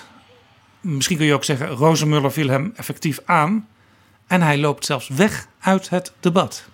Ja, ja dat is natuurlijk nooit sterk. Want uh, ja, dat, je weet dat je in een debat aangevallen gaat worden. En... Ook, is het ook niet sterk als jij toch al tegen je kiezers zegt: die elite, daar moet ik eigenlijk niks van hebben? Ja, daar kan het wel symbool voor staan. Dus ja, ja zeg maar uit debat ethisch uh, vertrekpunt vind ik dat het niet kan. Um, maar het kan wel tactisch zijn dat je zegt: joh, ik, stop hiermee. Uh, uh, ik loop hier weg. Hè. Dat heeft Baudet overigens ook uh, een paar maanden geleden nog een keer geprobeerd. Op Radio 1, toen is hij ook op een gegeven moment in een interview weggelopen. Beetje met zo'nzelfde idee van u, behandelt mij oneerlijk en, uh, en, nou, en wegwezen. Ja, dat is voor een deel van de achterban. Als je dat bij Radio 1 doet, vindt de achterban dat misschien heel mooi. Dus dan bedien je wel je achterban. Ja, ja. daar kwam overigens de prestatrice Die kwam heel sterk uh, daaroverheen, Ja. want zij beschreef gewoon... Ja, Simone ehm, Wijmans, Simone ja, Wijmans. Simone Wijmans, ja. Want zij beschreef gewoon wat er gebeurde. En dat het toch allemaal eh, prima was gegaan bij het uitnodigen. En de afspraak hoe het gesprek zou zijn. En dat ze zeker nog toe zou komen aan dat ene elementje waar Baudet meteen over wilde hebben. Dus dat was eigenlijk ja, perfect zoals zij dat deed. Ja, ze bleef heel rustig en stond daar helemaal boven. Dus dat was eh, slim, goed gedaan. Ja. Over etiketten gesproken, mag je elkaar beledigen in een lijsttrekkersdebat? Nou ja, nee, nee en ja. Ehm, nogmaals, als je, ja, als je kijkt vanuit wat zou een goed debat moeten zijn, eh, dan gaat het niet om de persoon, maar gaat het om de inhoud. En ehm, moet je die persoon juist niet aanvallen, want het gaat om de ideeën van die persoon. Maar ja, waarom moet je dit wel doen? Verkiezingen worden vaak gewonnen en verloren op de geloofwaardigheid van de persoon van de politicus. Veel Ja. meer dan op de standpunten van de partij. Eh, Denk aan Obama in 2008, die werd verkozen met het woord change. Nou, als je de dag van tevoren op straat aan mensen vroeg, waar heeft hij het dan over? Nee. Welke change? Niemand had een idee. En als je riep yes we can, dan kon dat voor elke kiezer weer iets anders betekenen. Ja, dat kon alle kanten op vliegen. Maar het was de, het charisma van de persoon en het, ja, het idee waar die voor stond. Laten we even luisteren naar 2010. Debat van RTL in de Rode Hoed. Wilders versus Cohen. Zeker, wat Nederland nodig heeft is leiderschap. Dat ben ik helemaal met u eens. En datgene wat ik de afgelopen jaren in Amsterdam heb gedaan... is geen onderscheid, gemaakt, geen onderscheid maken naar verschillende mensen. Wat mij betreft is als er sprake is van vrijheid van godsdienst... dan is er ook vrijheid van godsdienst voor iedereen. En dan doet het er niet toe waar je vandaan komt en wat je afkomst is. Dan doet het ertoe wat je hier gaat doen. Wat u en, diegenen, heeft. en diegenen die hier bezig zijn en die hier op een goede manier bezig zijn, die stimuleer ik. En diegenen die hier een rotzooi van maken, daar gaan we achteraan. En dat is precies wat ik heb gedaan. Nee, wat u heeft Dat gedaan. ook- wat u dat heeft gedaan. ook- wat u dat heeft gedaan, meneer Cohen. Dat heeft ook Laat ik even aangeven dat wat heeft u ook heeft bijgedragen gedaan. aan u de heeft veiligheid de afgelopen Even, heren, niet door elkaar. U heeft Wilders. de afgelopen jaren in Amsterdam, waar u de scepter heeft gezwaaid als, als burgemeester, sinds 2005. Laten we even de feiten op een rijtje zetten. Het aantal, de criminaliteit is gestegen. Het aantal overvallen. Het aantal bedreigingen. Cohen had het al moeilijk, dat, dat wist iedereen. En Wilders maakte het hem nog moeilijker. En toen Cohen op een gegeven moment ging praten... toen eh, was voor Wilders ook een moment aangebroken om zelf weg te lopen. Ja, dat is wel heel erg niet netjes. Ja, en, eh, absoluut. Ehm, overigens, we hebben nu meerdere keren eh, kritiek, of kritiek gehad. eh, eh, Cohen geanalyseerd. Uiteindelijk verloor hij de verkiezingen. Was het volgens mij 30.000 stemmen. Hè? Of hij was de, de, Ja. de grootste Het was maar een paar zetels verschil of hij had toch nog premier kunnen ja, worden. Dus het is niet dat, die, dat, die, eh, dat dat helemaal verkeerd ging. Maar het was niet, eh, het was niet goed genoeg. Nee, dat deed Wilders niet. Aan de andere kant, ja, het, het is heel hard. Er is één fragment wat mij altijd is bijgebleven. Dat komt niet uit een verkiezingsdebat, maar in een Tweede Kamerdebat bij de Algemene Politieke Beschouwingen. En toen zat Cohen, dat was na die verkiezingen, Cohen zat al niet lekker in zijn vel. En die had iedere keer last van die Wilders. En Cohen moest die algemene politieke beschouwingen beginnen. Dus de allereerste spreker op dag één. En, en die start zijn bijdrage en Wilders vliegt direct naar de microfoon. En die gaat nou weer op kniehoogte erin bij, eh, bij Cohen. En ja, Cohen en zijn hele team hadden een paar verdedigingslinies voorbereid. En je ziet letterlijk Cohen een papiertje pakken en gaan voorlezen. Nou, meneer Wilders, wat u nu doet, dat Oh, is precies wat u altijd doet. En je ziet hem dat voorlezen en je ziet Wilders er staan. En het enige wat Wilders zegt is... Nou, meneer Cohen, dat heeft u heel mooi voorgelezen. Dat heeft u goed geoefend. Ja. En het debat was nog geen twee minuten begonnen en Cohen was gewoon weg. Het was afgelopen. Dat is snoei en snoei hard. Wat Wilders daar doet, het is ook, het is, ja, het is ook persoonlijk. Maar tegelijkertijd, ja, Wilders, dat gaat ook voor de rest, staat daar voor een ideaal. Waar, die, waar ik wel van, ja, daar gelooft hij in. En dat is, je kan ook weer zeggen, dat ideaal is belangrijker dan die poppetjes die daar staan. Ja, Dus ja. je mag ook wel hard zijn, want Ja. jij wil de samenleving. Is het ook zo dat als mensen de volgende dag bij de koffieautomaat tegen elkaar zeggen: Ja, dat debat, ze reageerden helemaal niet op elkaar. Is dat dan eigenlijk erg? Want jij zegt hier: het gaat erom dat die politicus die ene kiezer thuis overtuigt. Dus of ze nou wel of niet op elkaar reageren in zo'n debat. Nou ja, de kiezer ergert zich daar wel aan. Hè? Die, eh, daar is ook wel onderzoek naar. Mensen vinden het ongelooflijk irritant als het door elkaar heen gesproken wordt, bijvoorbeeld. En die kiezer thuis wil ook wel dat een vraag beantwoord wordt. Aan de andere kant, wat een kiezer ook wil, die wil zich vertegenwoordigd zien.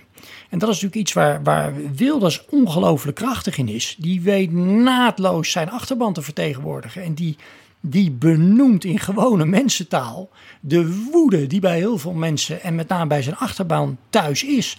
En dat hij daarmee anderen schoffeert. Daarvan vindt zijn achterban, nou dat zal dan maar, dat verdienen ze ook. En dus is het goed. Want daar ben je volksvertegenwoordiger voor. Dat je de taal spreekt van jouw achterban. Ik vind ook dat een politicus heel veel moet kunnen zeggen. En dat je hem juist iedere keer als je een debat gaat voeren over... ja, mag dit nou wel of mag dat nou niet gezegd worden... het leidt af van de inhoud. Want Ja. dan gaat het daarover. Ja. Wat moet je doen als je deelneemt aan een debat en je wordt ingedeeld bij een ja, voor jouw partij slap onderwerp waar je eigenlijk niet zoveel mee hebt? Maar ja, je partij is de kleinste, dus je hebt eigenlijk niks te kiezen. Nou ja, alsnog gewoon praten over waar je het wel over wil hebben. En het daar maar naartoe draaien. Dus als jij over klimaat moet praten, terwijl je het helemaal niet over klimaat wil hebben, omdat dat voor jouw achterban niet belangrijk is.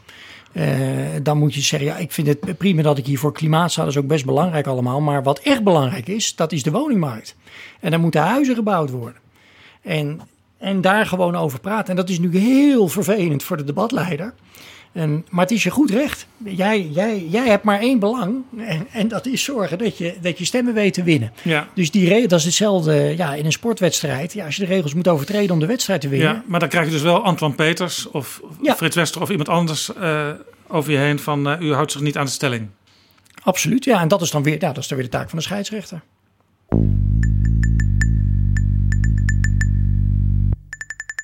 Roderick, we zijn bijna aan het einde van deze aflevering van Betrouwbare Bronnen. Als zo'n debat ten einde is, dan wordt er vaak nog nagepraat. Dat hebben wij zelf ook, eh, ook wel eens gedaan bij een RTL-debat. Jij zelfs eh, nog vaker. En dan analyseer je, nou, zo is het verlopen. Dit was een sterk moment, dat was een zwak moment. Is dat eigenlijk wel toegestaan als jij toch in vrij strenge ethische regels denkt over debatten? Eh, moet je dan eigenlijk niet gewoon zwijgen als het debat klaar is? Ja, daar valt veel voor te zeggen. Tegelijkertijd is er ook bij de kijker thuis wel heel veel behoefte om iets te horen na afloop. Die kijker die wil eigenlijk ook weten of dingen die eh, hem of haar zijn opgevallen, of die ook bij die analisten zijn opgevallen. Ja, van wat, wat, is er, wat is er. In die zin kan je het wel met een wedstrijd vergelijken. Van, joh, wat is daar nou gebeurd? En wat was sterk en wat was minder. Althans, wat vonden anderen sterk en minder sterk? En daar kan ik het ook weer mee oneens zijn. Waar ik wel meer door de jaren heen meer moeite mee heb gekregen, is dan een peiling na afloop van wie het het beste gedaan heeft. Ja, er wordt wel eens gezegd, over 10 minuten wordt bekendgemaakt hoe Ja. Nederland over de- dit debat denkt en wie het gewonnen heeft. En daar zijn eh, volgens mij, daar zou nog eens een grondig onderzoek naar moeten zijn. Maar dat debat waar we het eerder over hadden in 2012, waar Diederik Samson met zijn eerlijke verhaal eh, opeens naar boven schoot, die kwam ook als winnaar uit dat debat. Maar ook met een percentage waarvan je denkt, nou dat was wel heel erg hoog. En daar waren Ja. toen achteraf wel allemaal verhalen. Nou, volgens mij had de Partij van de Arbeid, hebben die heel slim, eh, nou ja, wisten zij waar Ja, ze moesten het stemmen. is ook wel heel doen. moeilijk om in bijna 10 minuten tijd, veel meer is het niet, een enorme steekproef te houden. Maar het is wel, en daarom vind ik de vraag interessant, want je hebt, de, de, de, je hebt natuurlijk het gesprek na afloop van het debat, maar de dag daarna verschijnt ook de krant. En dan komen er ochtendprogramma's en middagprogramma's en avondprogramma's. En eigenlijk is dat waarom die verkiezingsdebatten zo'n enorme invloed hebben op campagnes. Omdat het zeg maar de belangrijkste momenten zijn waar eindeloos over Ja. wordt. Als jij bij zo'n debat iets niet goed hebt gedaan, tot en met het volgende debat hoor je dat. Ja. En van, joh, dit debat 1 toch niet zo goed, Ja. wat ging er mis? En dan daarna komt debat 2 en dan krijg je de vraag, joh, gaat u bij debat 2 het beter Ja, en ook alle kranten en weekbladen eh, die, die schrijven erover. En meestal op de voorpagina staat de volgende dag een cruciale foto uit het debat. Ja, en daarom heb je in... in, eh, in Soms, soms zelfs wel eens een foto eh, die op een ander moment rondom het debat is gemaakt. Zo herinner ik mij een pauzefoto. Waar je een aantal Oh kandidaten met een, een flesje in hun hand ziet. En Roemer die dronk via een rietje. Dat was al waarschijnlijk gewoon door de mensen die daar bedienden ingezet. En dat had iets heel lulligs. En ja. Ja. dat is dan meteen ook een hele verkeerde foto voor zo'n lijsttrekker. Ja, die, eh, je hebt er ook een van Melkert. Hè, die, dan zie je Fortuyn ergens binnenkomen en glunderen. En dan zie je Melkert in een hoekje. Echt met, die zit net een nootje weg te halen ja, ja, En die, die, je ziet een grimas van haat ongeveer. Terwijl die misschien net verkeerd geschoten werd. Maar je hebt dus de, ehm, dat, dat voor- en nagesprek bij zo'n debat. Ook in de media die dagen daarna. Ja, dat heeft een gigantische invloed. En daarom heb je, wat heel grappig is in Amerika. En in, in Groot-Brittannië heb je de, dat heet dan de spin room. Als het debat is afgelopen, dan heb je de zaal daarnaast. Dan mag iedere partij evenveel mensen naar binnen sturen. Dat zijn de spindoctoren. En daar staat ook de pers. En dan gaat de pers die mensen interviewen. Wat vond je ervan? Nou, en je raadt het al. De ene kant zegt, nou, echt, onze kandidaat deed echt fantastisch. Die heeft het echt geweldig. En die ander bakte daar helemaal Sterker nog, dat is in Nederland ook zo. Want bij datzelfde Carré-debat, eh, daar waren de spindokters ook aanwezig. En natuurlijk een heleboel journalisten van alle media. En na afloop werd er meteen gezegd: ja, dat heeft eh, kandidaat A toch wel heel erg goed gezet. En kandidaat B ging daar toch echt wel. Die zakte daar door de vloer. Ja, en daar wordt wat. Ja, ja, jij moet ook de volgende dag weer een column inspreken. Of je moet een artikel schrijven. Of je moet een journaal maken. Ja, en, de dit- volgende dag, dat is meestal al binnen een half uur na zo'n een half uur na- En dus jij, jij bent behoefte aan input. Want je, je hebt een eigen oordeel. Maar je, het is toch wel prettig om even getoetst te hebben. Ja. Klopt dat wel? Dus als iemand jou net nog een duwtje kan geven. En kan zeggen, joh, maar Jaap, wat, ja, wat die Rutte daar deed, dat is, eigenlijk kan dat toch echt niet? oh, zo had ik het nog niet gezien. Ja, dan, Ja. Oh, ja, en dan, dan, dan ga je eh, je stukje tikken. En dan heeft het je toch beïnvloed. Ja, die eh, debatten die worden ook altijd goed bekeken. Hè? Eh, soms wel, wel 3 miljoen kijkers. Nou is er natuurlijk iemand, twee eigenlijk, twee politici... eh, die nog veel meer kijkers hebben op het moment. Dat zijn Rutte en Hugo de Jonge. Als het gaat over corona, hun persconferenties... die worden wel door 5, 6, soms 7 miljoen mensen tegelijk bekeken. Ja. Ook hier, dit weer een voorbeeld van Rutte in dit geval... die daar voorsprong aan kan ontlenen. Ja, hoe wrang het ook is. eh, maar ja, de- die heeft echt voordeel aan corona. En dat, het- zo zal hij dat... eh, natuurlijk vindt hij het ook vreselijk. Maar dit is wel... Dat is wel zo. Hij staat daar iedere keer. En, en Hugo de Jonge... ehm, die staat daar ook. Maar ja, die is de kop van Jut iedere keer. En ik vind dat hij... Dat is nu eindelijk sinds één of twee weken anders geworden. Dat met name zijn medewerkers hele slechte teksten voor hem schreven. En Hugo de Jonge was bij al die persconferenties. Dan had Rutte al het nieuws verteld, hoe erg het allemaal was. En dan gingen we naar Hugo de Jonge. Die ging dat eerst nog eens vijf minuten allemaal herhalen. Ja. En daarna kwam hij dan nog met wat klein bier aan maatregelen. En dat, was, ja, dat wekte gewoon bij heel veel mensen ergernis. Want dat Ja. hadden we al lang gehoord. Ja, dus je zou eigenlijk beter de rollen iets evenwichtiger kunnen verdelen hebben tussen ze nu twee. wel, vind ik nu wel beter gaan. Dus in ieder geval slaat hij die hele inleiding nu over, die jongen, en gaat hij gewoon direct naar wat hij nog aan nieuws te melden heeft. Ja, ja. Die debatten komen eraan. Ik heb in het begin al genoemd eh, wanneer ze zijn. Zo staat het ook nog beschreven in eh, de beschrijving bij deze aflevering. Dus als je het nog niet weet en nog niet genoteerd hebt, ga daar even naartoe. Roderick van Grieken, hartelijk dank voor jouw komst naar deze betrouwbare bronnen. En ik nodig je graag uit om vrij snel na de verkiezingen nog een keer terug te komen. En dan wil ik graag met jou en ook met PG Kroeger even naar de hele campagne, inclusief alle debatten, terugkijken. En dan kunnen we ook toetsen aan wat jij nu verteld hebt. eh, of dat is, eh, is toegepast. Waar ging het heel goed? Waar ging het mis? En waardoor is de uitslag zo geworden als die uiteindelijk op 17 maart zal worden? Ik wil eindigen, Roderick, met een citaat van Frits Bolkestein, die ook vaak die debatten gevoerd heeft. Wie de vorm beheerst, is de inhoud meester. Leuk. Dankjewel.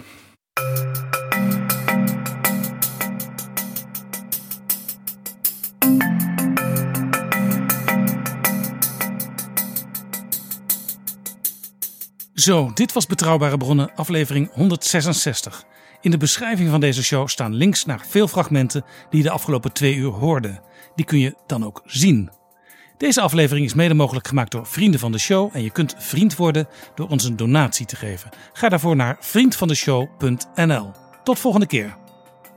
Betrouwbare bronnen wordt gemaakt door Jaap Jansen in samenwerking met dag en nacht.nl.